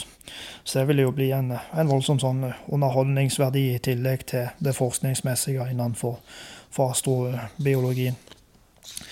Og et, et, annet aspekt her er jo vår egen eh, historie. Hele menneskets eh, moderne historie ligger jo fotografisk dokumentert internt i, i, egen, i vår egen galakse. Gjeng tilbake til da Jesus levde for 2000 år siden, så har jo disse bildene bare reist 2000 lysår utover i rommet, som er et, et lite lokalt område internt i vår egen galakse. Så alt det vi gjør her på, på jorda, det sender jo ut, ut, bilder som er på en tilnærmet uforstyrra ferd gjennom rommet, fordi at materien er såpass utspredt så vil vi noen gang evne å etablere teleskopiske stasjoner rundt omkring i galaksen raskere enn lyset, så kan vi dokumentere vår egen eh, fortid på samme måte som vi ser andre planeter tusenvis av lysår unna i, i, deres fortid. Men vi trenger en, en teleskopisk teknologi som gjør at vi kan samle inn store lysmengder, fordi at disse bildene er veldig utspredte når de har reist såpass langt. Men med, med gravitasjonsbølger så ligger jo disse mulighetene der prinsipielt sett. Ja, utrolig. Det er utrolig fascinerende tanke, Ivan, at vi faktisk kan reise ut Hvis vi da klarer å knekke koden med å reise raskere enn lyset, så kan vi reise ut og finne det lyset som eh, oppsto på Jesus' tid. Altså vi kan faktisk se han gå rundt på jorda hvis vi har den rette teknologien. Eh, det hadde jo vært helt, eh, helt utrolig. og, og, at vi kunne på en måte få vite sannheten om ikke bare eh, denne skikkelsen, men også alt annet som har skjedd i vår fjerne historie. Det hadde jo vært et eventyr. Men du nevnte jo det at altså hvert sekund så skapes det nye solsystemer. Uh, betyr det at universet hele tiden vokser? At universet hele tiden utvikler, uh, eller skal vi si ekspanderer ved at det genererer og materialiserer nye solsystemer og galakser? Er det sånn hele universet fungerer, tror du det? Ja, inni, inni det observerbare universet så, så dør det òg samtidig ut solsystemer i, i tilsvarende tempo da, som da blir til nye. Men eh, hvordan det virker kosmologisk, det vet vi jo ikke. Det er jo bare det som skjer innenfor eh, den kosmologiske horisonten da, som vi, vi kan nå ut til. Fantastisk dette med eh, mulighetene for å kunne fange lys på den måten du forteller. At vi altså med den rette teknologien faktisk kan se hva som foregår på overflaten av andre planeter. Og som nevnt, hvis vi kan reise fortere enn lyset og ta igjen det lyset vi selv har sendt ut, så kan vi altså se vår egen fjernhistorie. Altså det, jeg, blir bare helt, jeg får helt gåsehud bare ved tanken. Men øh, vi er kommet frem til den åttende industrielle revolusjonen som du beskriver i boka di. Og da snakker du altså om fjernrobotiseringsprosessen. Ehm, hvordan ser du for deg dette? Ja, industri er jo industri uavhengig av den, den jordkloden vi lever på. Alle de industrielle revolusjonene vi har hatt så langt, er jo vært bundet til, til, jordkloden. Men den verden vi lever i, er jo ikke en, en jordklode. Det er et univers fylt med, med solsystemer med lysårsavstander mellom seg. Og på et tidspunkt så vil jo heller ikke jorda og solsystemet være her lenger, hvis eh, solsystemet får gå sin naturlige gang. Men for at industrien skal komme til et nivå der vi evner å å utøve industri astronomisk, så handler det jo om å, å, kunne styre og ta kontroll over en fjern materie, fjerne planeter og fjerne galakser fra vårt eget eh, solsystem med hjelp av eh, teknologi. Så la oss si vi skal sende ut 1000 romskip til 1000 ulike planetsystemer, alt fra 100 til 10 000 lysår unna. så så er jo ikke nødvendigvis livsvilkårene der til stede naturlig. Det er ulike atmosfærer, ulike vannkvaliteter, ulik tilgang på mat, energi og annet. Og da kan i tillegg være farer sånn som naturkrefter eller farlige dyr for den slags skyld. Og alle disse forholdene vet vi jo ikke heller om før vi, vi kommer fram der eller på en annen måte etablert en tilstedeværelse. Så Derfor så trenger vi jo infrastruktur som stender klar på disse planetene, sånn at når befolkningen ankommer med, med romskip, så kan de flytte inn i ferdige byer, tilkobla oksygen, vann, matproduksjon, strøm osv. Og, så videre, og ikke minst eh, utstyr, verktøy, kjøretøy og droner og andre ting. Det er klart at en kan ta med seg alt dette i et romskip, men da må jo det være kanskje 100 ganger så stort, f.eks. Så hele romskipet blir som en, en hel by. og da da koster det jo mye mer å lagre. Omsider for det opp i, i hastighet, noe som vil være meningsløs bruk av ressurser industrielt sett. Eh, og Det er jo der fjernrobotisering kommer inn i, i bildet og vil gi oss helt nye muligheter. Eh, denne såkalte fjernrobotiseringsprosessen er jo en prosess som jeg er delt opp i ulike trinn, som er nødvendig for at en skal kunne oppnå fjernrobotisering. Jeg tenker ikke gå veldig teknisk inn i alle disse trinnene hver for seg, men det det går ut på, er jo at en, en bruker teknologi, f.eks. En, en laser som printer fram en en robot, eller lage noe som eh, skal lage en robot på en fjern planets måne eller en annen type satellitt langt ute i, i, rommet. Og den roboten vil i neste runde kunne lage nye roboter, mer avanserte roboter. Sånn at en har etablert en, en, tilstedeværelse på denne planeten eller månen gjennom den kontrollen en har over disse robotene, som kan bygge infrastruktur, de kan bygge bygninger, byer, veier, kjøretøy eller hva det skulle være behov for. Nå høres jo dette sikkert veldig science fiction ut for eh, de fleste, men prinsipielt sett så, så, er det jo ikke det. Vi kan se for oss ei kollimert laserstråle, altså ei laserstråle som går i, i, rett linje. Så kan en bruke den, sende ut noen laserpulser på en, en fjern materie som printer fram et uh, objekt. Og i framtida vil vi jo få mye mer avanserte lasere. Vi kan uh, styre frekvens, monokromotasitet, pulsering, hvor dypt strålen skal penetrere, intensiteten på de osv. Ut ifra det så vil vi få mye mer avanserte printefunksjoner ut ifra enkelte laserstråler. I tillegg så er vi dette med, med filamentering matering. Kan vi lage noen stråler med nanometer presisjon, så kan vi kanskje printe fram en hel hjerne basert på, på nanoteknologien, fjerntliggende materie.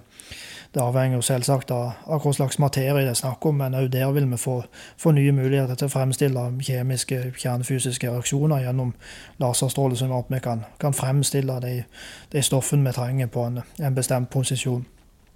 Og når alt dette kommer sammen, så vil vi få helt nye muligheter. Og, og fjernrobotisering vil bli ikke bare fysisk mulig, det er det jo allerede med mangler teknologien, men det vil bli, bli praktisk mulig. Og ved hjelp av, av kvantefilamentering da, så kan vi klare det samme vektorløst. Den er ikke begrensa av, av lyshastigheten, men kan nå ute f.eks. den andre enden av, av, galaksen i de hastighetene det måtte være behov for. Og på den måten så, så kan vi etablere stasjoner og infrastruktur rundt i vår egen galakse i en helt annen omfang, en helt annen skala enn det som er, er mulig uten og vi kan ta, ta kontroll der med at det er behov å sende ut romskip med store befolkningsmengder som kommer fram til, til ferdige byer og infrastruktur som står klar på, på, disse planetene, som det jo er milliarder av i bare i vår egen galakse. Så når en ser på de, de rent fysiske og, og prinsipielle mulighetene som, som faktisk foreligger innen eh, fjernrobotisering, så er det jo helt klart at det, det som er reelt fysisk mulig, er overgjenger det meste av det vi kan, kan, fantasere om. Det handler bare om utvikling av teknologi som klarer å utnytte seg av disse fysiske mulighetene. Det er ikke noen, noen fysikklover som forhindrer fjernrobotisering, og det er dette som er, er det ultimate av det vi kan tenke oss av eh, fremtidige revolusjoner, i hvert fall når det gjelder størrelse, skala og, og omfang. Fantastisk. Fantastisk, Ivan. Uh, nå har vi vært gjennom fire uh, revolusjoner så langt i vår, uh, i vår skal vi si, nedskrevne historie. Og du har nå beskrevet altså fire potensielle scenarioer når det gjelder fremtidige revolusjoner. Har du tenkt noe på tidshorisonten her? Altså, Når vil disse tingene inntreffe, eller når kan det være mulig at disse tingene kan inntreffe, som du har skissert nå? Nei, det, det avhenger jo egentlig vel så mye av eh, samfunnsutviklingen òg, hvor, hvor, fort dette her vil gå, og hvordan vitenskapen vil omstille seg, og mange faktorer som spiller inn der. Så jeg har ikke spesifisert noe akkurat eh, tidshorisont. Men, men det blir kanskje ikke innenfor vår levetid, alle disse fire revolusjonene? Nei, det, det gjør det nok ikke, men uh... Men hvis vi skal se på uh, litt tilbake til vår egen tid, altså hva slags mulige energisystemer er det vi kan ha sjanse til å utvikle som vi ikke har tatt i bruk enda? Uh, og fordi nå er jo dette med å produsere energi uh, i våre dager et utrolig hett tema.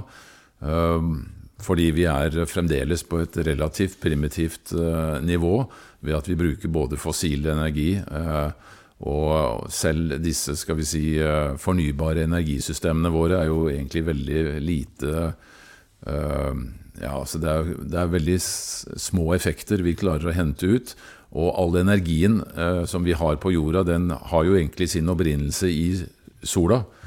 Eh, men igjen, kan du si litt først om hva slags energitetthet som egentlig er teoretisk mulig? Altså hva som befinner seg i det vi kaller for vakuum? For det er det vel en del tanker om nå i, blant, blant fysikere i den moderne fysikken. Ja, ifølge kvanteteori så er jo energitettheten i, i vakuumet ti opphøyd i 96 kg per kubikk. Altså et tall med 96 siffer. Det er jo et tall som er så stort at vi kan knapt uh, forestille oss det. Men uh, så vet vi jo ikke egentlig hva som er den reelle energitettheten. Det er jo dette som er kjent som vakuumkatastrofen. Astronomiske og kosmologiske modeller de peker jo en, en annen retning og sier at det forsvinner lite energi i, i vakuum, men det antes jo samtidig å, å skyldes manglende forståelse av, av tyngdevirkningene med ikke noen elementær teori for, for tyngdekraft. Så eh, blant kvantefysikere i hvert fall så er jo mitt inntrykk av at, eh, at denne beregningen på 10 opphøyd i 96 kg per kubikk er det som peker i en, en mer realistisk retning, og det er jo en enorm energimengde. Og det er jo dette som er, er bakgrunnsenergien som på uforklarlig vis lager rommet sine egenskaper. det er ikke bare i, i vakuumet, det er jo i oss sjøl. Det gjennomsyrer alt. Grunnen til at vi kaller det for, for vakuumenergi, er fordi at hvis vi tar all materie ut av et, et, rom, så er det fremdeles energi der i, i vakuumet. Men fyller vi materien tilbake igjen i dette rommet, så er jo den samme energien der fremdeles. Det er den som er fundamentet for materien, og den materien er, er fundamentert i. og Det er derfor vi, vi kan kalle det for en, en bakgrunnsenergi. Og så må vi jo ha med oss her hva er energi egentlig. Det er jo det som er, er det store spørsmålet. Det er jo definert som en, en evne til å, å, utføre arbeid. Så når en nesten uendelig stor eh, energitetthet i, i vakuumet, så kan vi si ja vel, men hva slags arbeid er det denne energien utfører? Hvor, hvor snart han seg? Hva er det en gjør der? Det er jo dette som er de sentrale spørsmålene for hvordan fysikken er, er bygd opp. Og i dette så må vi òg ha med oss at tida i seg selv er en, en, del av dette. Energi måler vi jo i tid, så det gjør det jo enda mer kompleks. Men sannsynligvis så, så henger det likevel sammen på en, på en enkel måte. Så når løsningen kommer, så, så faller nok brikken på plass. Og vi tenker ja, det var så enkelt. Eh, ja, Men foreløpig så, så er vi jo ikke kommet dit. Og, og hele kvantefysikken er derfor et eh, stort eh, begrepsmangfold. Vi er jo helt oppe i tolv ulike tolkninger av de, de, samme fenomenene. Det viser bare det at da, mangler noe en, en, fundamental forståelse av hvordan ting egentlig er, er bygd opp. Mm, nettopp. Men, men hvis vi da skal gå videre til å se på hva er mest sannsynlig som det neste skrittet i utvikling av, eh, av vår eh, si, produserbare energi. Hvilke energiformer er det som, som nå ligger på tegnebrettet som kan realiseres? Jeg vet jo du har snakket en del om både fisjon og fusjonsenergi. Hva er dine tanker her? Ja, eh, fusjon er jo sammenslåing av atomer. Fisjon er, splitting av atomer, det som vi kaller for en, en kjernefysisk reaksjon. og Det utløser energi fra atomene sitt, eh, sitt, kraftfelt. Fusjon utløser jo omkring én million ganger mer energi enn en, en kjemisk reaksjon, og tre til fire ganger mer enn en fisjon. Og Det er jo det som driver alle sola og alle stjernene i, i, universet, som av den grunn har nesten utømmelig energitilgang. De, de små dvergstjernene kan jo lyse i i flere billioner av år. For de, de, eksploderer ikke sånn som sola, de bare lyser og lyser helt til det ikke er trykk nok lenger til å opprettholde denne fusjonen. Så får vi til å, fremstille fusjon på et eller annet vis eh, kunstig med netto gevinst, så, så, vil vi få nærmest utømmelig energitilgang. Det er så å si, så alle enige om, for det mangler ikke hydrogen. Det, det mest vanlige grunnstoffet i universet utgjør mer enn 70 og Fordelen med, med, fusjon er jo at den lager ikke langvarig radioaktivt avfall, sånn som eh, fisjon. Og eh, det kan løse alle klima- og energiutfordringer og endre sivilisasjonens eh, energivilkår på permanent basis, sånn at vi kan, kan oppskalere all tenkelig industri uten å, å bekymre oss sånn for energiforbruket. Nå fikk vi jo her et, nylig et gjennombrudd i, i, forskningen der vi for første gang i historien har klart å få nettogevinst fra fusjon med hjelp av, av laser. For min del anser jeg ikke noe sånn spesielt med med akkurat det, det gjennområdet hadde vi satsa ressurser på det, så kunne vi ha hatt det, det for lenge siden. Og vi har hatt eh, atombomber som har generert nettogevinst fra fusjon i, i, mange tiår. Så vi vet jo at det, det fungerer. Det er bare snakk om, om skalaeffekter og hvordan vi kan få, få, dette prinsippet til å virke nedskalert med, med presisjon. Og Det er jo der jeg kan jobbe med en, en del nye reaktorprinsipper som bruker dette atombombeprinsippet. kan vi som vi kan kalle det, med å generere kjedereaksjoner i, i vann. Det som er, er problemet med konvensjonell laserdreven fusjon, der man bruker såkalte pellets som bestråles med noen, noen laserpulser, er at det ikke er nok mottrykk rundt disse pelletsene til å holde fusjonen gående. Det er jo først når fusjonen er etablert og får disse kjedereaksjonene og kan mangedoble energiutbyttet hvis en bare kunne holdt den gående. Så i, i, vann, som er et inkompressibelt medium, så mener jeg at med noen nye optiske prinsipper så kan vi holde et sånt mottrykk og generere kjedereaksjoner over et lengre tidsforløp. Men med en gang en, nevner atombombeprinsipp og kjedereaksjon, så blir jo alle litt sånn at nei, nei, dette er, er farlige saker, dette kan vi ikke ha noe Eh, med å gjøre. Men eh, det det handler om, er jo i praksis bare å få det til nedskalert med, med presisjon, så lenge det er i, i, kontrollerte former. Og gjennom presisjon så er det ikke noe eksplosjonsfare.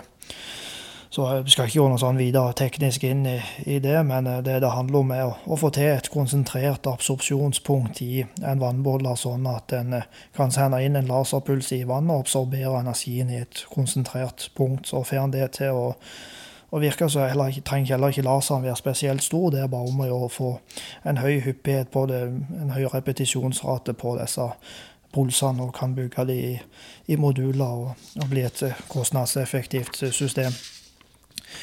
Så skal vi få til fusjon på, på, jorda, så må vi jo vanligvis opp i minst 100 millioner grader celsius, helst flere hundre millioner, for å oppnå høy fusjonsrate. Og Noe av det interessante her er jo at temperaturen i, i sola den er jo bare en liten brøkdel av det. Den er bare 15 millioner grader celsius. Så måten sola skaper fusjon på, er gjennom et fenomen som vi kaller kvantetunnelering. Atomkjernene er jo positivt lada, så de, de frastøter hverandre, og det er det som motvirker fusjonen. Men så er det likevel en liten sannsynlighet for å slå seg i hop allikevel, og det er det som vi kaller for, for kvantetunnelering. Så sola er faktisk en, en veldig lav fusjonsrate, men pga. at sola er såpass stor, så blir de som likevel mye. Det er det som holder den, den gående.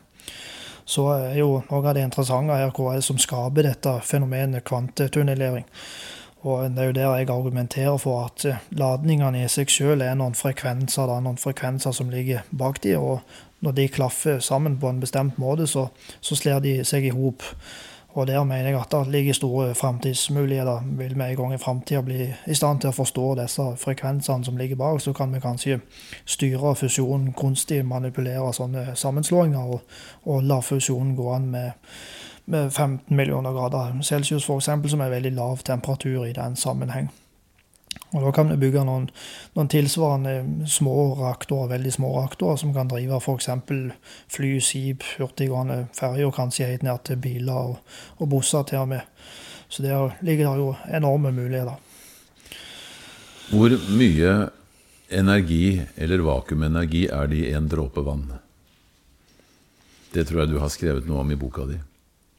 Ja, altså i, bare i, i, to gram eh, materie så eh, er det energi nok til å holde en, eh, en Boeing 747 flygende i ei hel uke i, i, strekk. Det er man, en liten vanndråpe.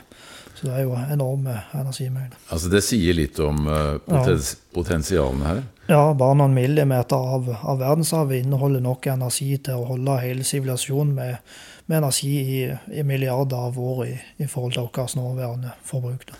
Så det vi gjør på jorda i dag, med altså alt fra vannkraft, vindkraft, solkraft og også for så vidt fossil brensel, er å gå en enorm omvei uh, istedenfor å tappe det rett ut av vakuum? Er det, er det riktig å tenke sånn? Ja det, ja, det er jo fusjon en snakker om, og materien i seg sjøl her en snakker om, da, men i vakuum er det jo energi. Da, men du, et, et, spørsmål helt til slutt, litt eh, på sidelinjen. Hva er det som gjør at jorda Altså at massen i, inni jordas kjerne kan holde seg flytende hele tiden. Hvor får den energien fra? Massen inni kjernen? Ja, altså, vi bor jo på en kule som egentlig er glødende inni, ikke sant? Altså jorda. Ja. Altså, jordas radius er vel 600, altså 6400 km, er det ikke sånn? Og vi har klart å bore altså De som har boret lengst, er vel noe sånn som bare en 12-13 km. Ja. Uh, men når vi kommer også 150 km ned, så begynner det å bli flytende, gjør det ikke det? Ja, ja. ja, det er jo varme som har vært der opprinnelig, og så er det en strålingsbalanse ut og inn av atmosfæren. Så det er jo det som vedlikeholder den temperaturen. Da. Så, den, så det at den vedlikeholder seg selv, altså kommer jorda til, jordas masse til å stivne noen gang? Da må han jo kjøles ned kraftig i så fall. Så i utgangspunktet vil han jo heller øke, for sola blir jo, blir jo sterkere og sterkere. Ja. Så ja, fordi du har jo også uh, snakket om at eh, sola eh, kommer til å fordampe verdenshavene på et tidspunkt. Har du ikke, er, har du ikke nevnt det? Ja, sola er jo på vei til å bli en, en rød kjempe om uh, noen milliarder av år. Så innen én milliard år så vil lysstyrken ha steget med 10% og da vil, vil verdenshavet fordampe vekk, sier forskningen. da. Ja, Det blir jo heldigvis etter vår tid, antageligvis. Ja. en, et paradoks er jo, som du også har nevnt, at Big Bang, eh, når det skjedde, så må universet ha utvidet seg altså utrolig mye raskere enn lyshastigheten. Altså, det er jo en teori, det er jo ingen som kan bevise det, men hva er, hva er dine tanker rundt det? Ja, Utgangspunktet for den allment aksepterte kosmologien i dag er jo at universet oppsto for 13,8 milliarder år siden, og at alt kommer ifra, ifra, Big Bang. Men så er det jo samtidig en hel haug med, med, ulike teorier rundt uh, dette, her, fordi at den allment aksepterte modellen her er jo begrensa, den holder ikke vann når det kommer til, til stykker. mangler gode forklaringsmodeller på de øvrige forholdene rundt dette. Altså De fleste som jobber innenfor for dette, er jo hver sine egne teorier og, meninger om ting. Så det som er, er min innfallsvinkel til dette, er jo at en må se det, det, store bildet. Var Big Bang alene, eller var vi lokalisert i et, et, felt? Altså at Big Bang hadde et felt rundt seg da inflasjonsfasen eh, fant sted. Og det er jo der jeg argumenterer argumenterer for at, eh, at det har vi, hatt når Big Bang eh, ekspanderer, så vil han deformere feltet rundt seg og danne en gravitasjonsbølge. Og denne gravitasjonsbølgen ut ifra hastigheten og den massen vi vet at eksisterer, kan vi regne ut en, en minstestørrelse på. Og ut ifra denne minstestørrelsen på, på gravitasjonsbølgen så kan en igjen regne ut hvor stort universet rundt må være, i det minste for å kunne evne å ta imot og absorbere denne energien ifra, fra den gravitasjonsbølgen. Og Gjør en det regnestykket, så har jeg kommet fram til at universet må være minst 10 eh, opphøyd i 143 ganger så, så stort som det observerbare. Eh, men eh, så er jo det interessante her hva er det som befinner seg i det omkringliggende universet. Og da argumenterer jeg for at Big Bang er det som jeg kaller for en, en kosmisk galakse, og universet for øvrig er, er fylt med mange sånne kosmiske galakser, akkurat som Big Bang, som ekspanderer og trekker seg sammen i sykluser.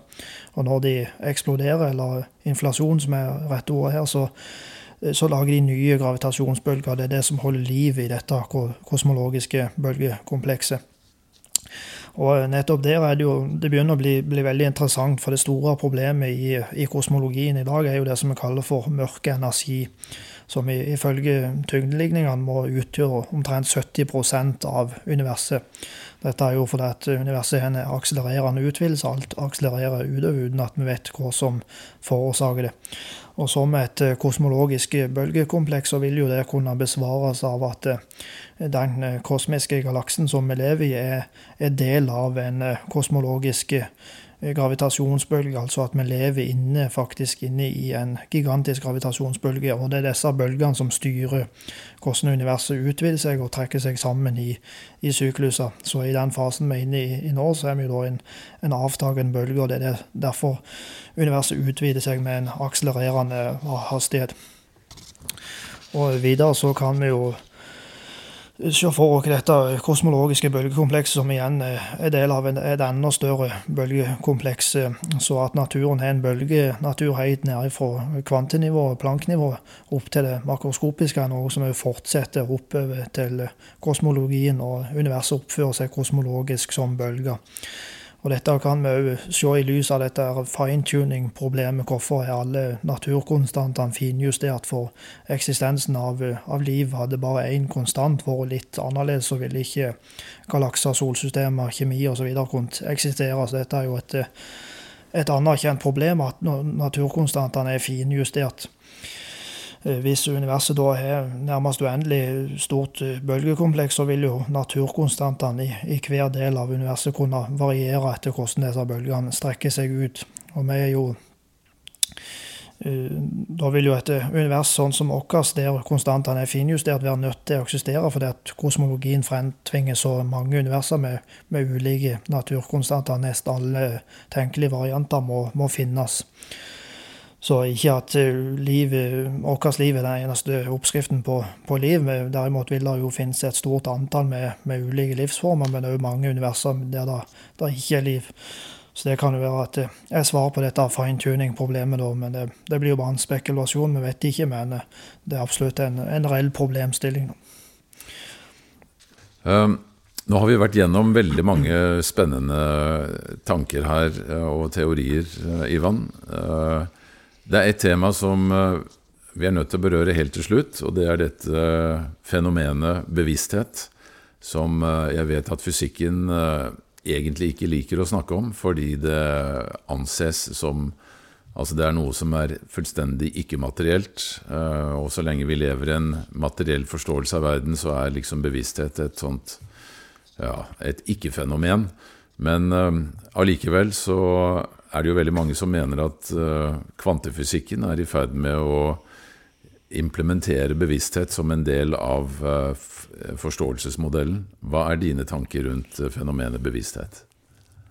Ja, ingen fysiker noensinne er jo klart å, å forklare bevissthet. og Det er jo som du, du sier, nærmest forbudt å snakke om bevissthet fram til, til nyere tid i, i, vitenskapen. og Da har en jo ikke engang begynt å, å, snakke om underbevissthet og eventuelt enda dypere saker og ting. Så eh, min mening om dette er jo at en, en, først og fremst må se på det informasjonspotensialet som skjuler seg bak alle målefasadene, altså i, i bakgrunnsenergien og i materien og elementærpartiklene i seg sjøl, som jo på uforklarlig vis er fundamentert i denne informasjonsrikdommen. Eh, bare i en atomkjerne så er det jo ti opphøyd i 60, altså et tall med, med 60-siffer, plankvolumer, som dersom de vibrerer i, i plankfrekvens, altså vibrerer tilsvarende fort, inneholder et så stort eh, informasjonspotensial at det er nesten umulig å forestille seg fra hvilken makroskopiske betraktning. Og ifølge min teori så er det jo nødt til å være underliggende nivå enda dypere enn dette med et enda større informasjonspotensial. Så i praksis er det jo et, et bunnløst informasjonspotensial her, for vi vet ikke hvor, hvor dypt ting eh, stikker. Så det er jo ikke noen begrensninger sånn sett i forhold til at, eh, at bakgrunnsenergien kan inneholde funksjoner og mekanismer som lager bevissthet i underliggende intelligens og underbevissthet. Det mangler bare en, en forståelse av hvordan det, det, kan være bygd opp. Og der stanger jo på mange måter mot veggen, for at de som jobber med, med fysikk, eh, snakker ikke stort med de som jobber med, med disse som vi kaller for filosofiske eh, spørsmål, og dermed så, så kommer en jo ikke videre. Det er jo som vi vet vanskelig å forene det darwinistiske synspunktet der bevissthet er evolusjonens sluttprodukt, med de moderne eh, kvantefysiske oppdagelsene nevrobiologer, eller i hvert fall mange av de har jo helt siden kvantefysikkens opprinnelse holdt seg til at uh, den er betydningsløs for det som uh, foregår i, hjernen. Bare ett nevron inneholder jo 100 billioner atomer. Altså er det 1000 ganger flere atomer i et nevron enn det er nevroner i, hjernen. Så nevrobiologene har jo sånn sett hatt ganske gode argumenter for at alle kvanteeffektene blir utjevna i, i det store antallet. Men så har en jo i senere tid, bare de siste årene, funnet stadig flere potensielle kvanteeffekter som dominerer stadig flere deler av det, det nevrodynamiske kretsløpet, sannsynligvis i en mye større grad enn det en har, trodd tidligere. Den såkalte eh, kvantenevrobiologien har jo nå blitt et eh, anerkjent eh, fagområde.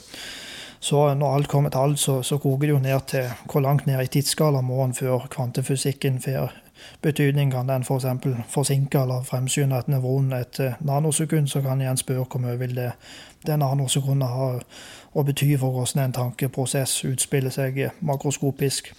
Og hvor mye vil det ha bety hvis et, et stort antall med nevroner er styrt på denne måten samtidig. Det vil jo i praksis kunne bety at eh, det vi makroskopisk oppfatter som, eh, som tanker gjerne er en konstant superposisjon mellom flere ulike tanker, uten at en vet hva som ligger unna, og, og styrer dette, hva, hva for noen tanker som, som, faktisk vinner fram. Og kanskje ikke tankene der i det hele tatt. Den reelle tankeprosessen er en underliggende prosess, og det som utspiller seg materielt, er bare en, en manifestasjon av det. Og I dette så må vi òg ha med oss at eh, kvantefysikken er, er såkalt tidssymmetrisk. Den er både kausal og retrokausal, altså at årsakssammenhengen må, må stemme overens både bakover og forover i, i, forhold til nuet. Så sånn sett er jo ikke det, det materielle noen ting det skulle ha sagt hvis det ligger noe unna og styrer dette. Så det store spørsmålet er jo er gjerne en plass der tanker blir konstruert eller formalisert. Så hva er egentlig en, en tanke?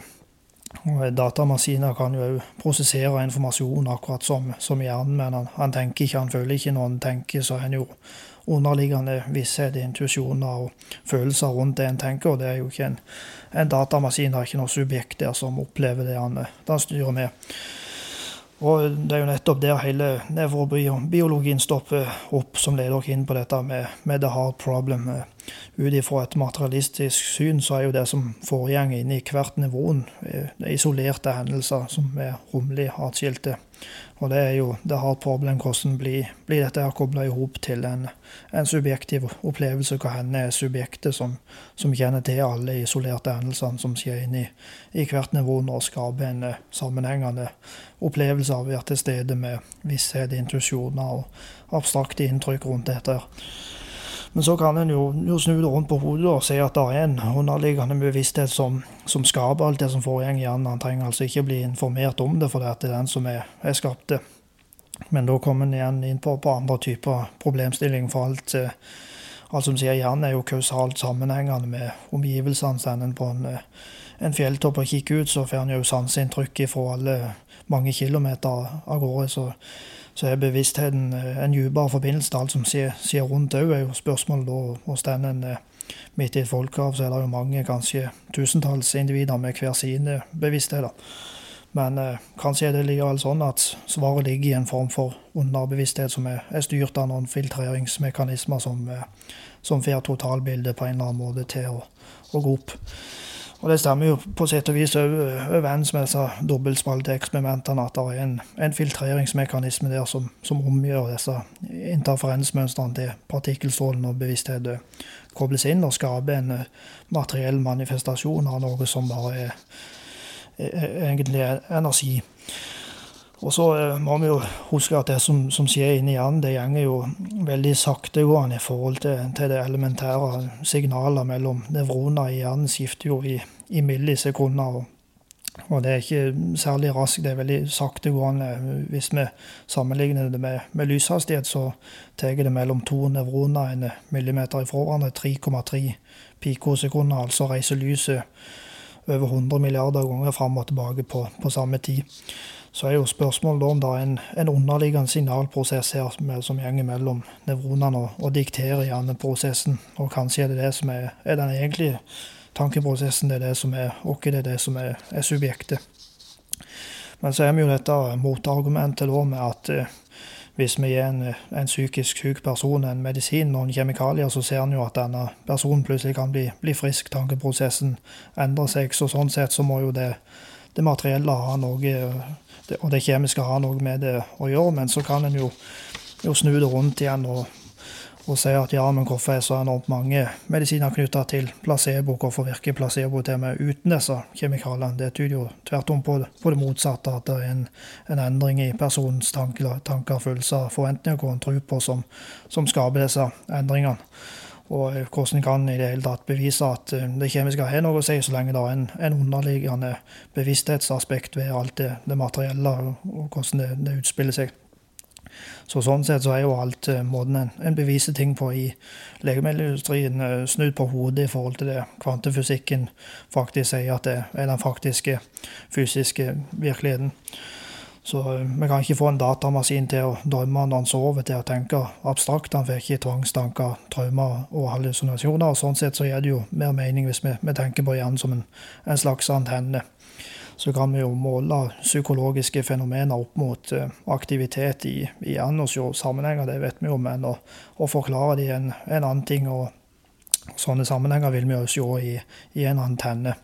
Så uansett så er det jo materieller, ikke subjektet her, selve tankene i seg sjøl, for fysikken er, er dypere. Det er ikke noen kvanteverden, det er bare abstrakt kvantefysiske beskrivelser, sa Nils Bohr i sin tid. Og sannsynligvis er, er hele kvantefysikken bare en fasade av en fysikk som utspiller seg bak alt dette her.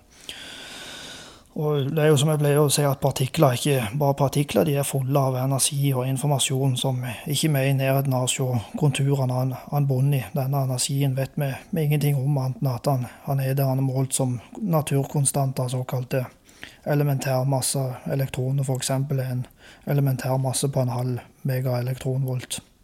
Så kan en jo spørre seg om, om denne informasjonen, det at hver partikkel har en unik identitet er, er helt uvesentlig, eller er, er det informasjon som skjuler seg dypere nede i alle genene våre, molekylene, atomkjernene, som får frekvensielle inntrykk fra bakgrunnsenergiene? For øvrig, det er jo sentrale spørsmål her som sannsynligvis òg er, er ledetråden til, til, hvordan alt det som skjer romlig og separert i hjernen, blir kobla i hop til en, en subjektiv opplevelse. Og eh, Menneskekroppen den består jo av ti opphøyd i 27 atomer. Altså et tall med, med 27 siffer. Men dette blir jo bare, bare småtteri hvis vi sammenligner det med at i en atomkjerne så er det ti opphøyd i, i 60 plankvolumer. Det er over en milliard ganger flere plankvolumer i en atomkjerne enn det er atomer på hele jordkloden. Og hvis disse plankvolumene vibrerer i, i plankfrekvens, så foregår det hvert nanosekund mer i en atomkjerne enn det gjør på hele jorda i, i løpet av hele dens levetid på, på, noen milliarder år, hvis vi tenker oss atomene som noen, noen byggeklosser. Da. Og da har vi jo ikke engang begynt å snakke om, om subplanknivå. Så er jo spørsmålet om, om alt som foregår der nede er helt flatt og informasjonsdumt, eller finnes det en, en, verden der altså bak disse målefasadene, bak alle naturkonstantene og, og kvantefysikken.